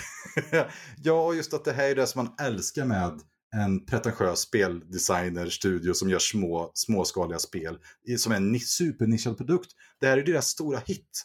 Mm. Alltså det var, folk visste inte vilka splotterspelet var för några år sedan innan de släppte det spelet i största allmänhet. Det är klart att de tysk, den tyska skolan visste det, för att det här är ett spel som kommer in i det på något sätt. Att det är väldigt få regler som inte ens tagit upp. Alltså reglerna är supersimpla i det här spelet. Ja, ja. Eller ja. Alltså jag lärde ut det till mina kollegor, vilket, ja, okej okay, jag var desperat. Men eh, det funkar jättebra. Ja. Då hade de jättekul. Nja, nja, nja. men eh, regelgenomgången är väl 10 minuter kanske? Ja.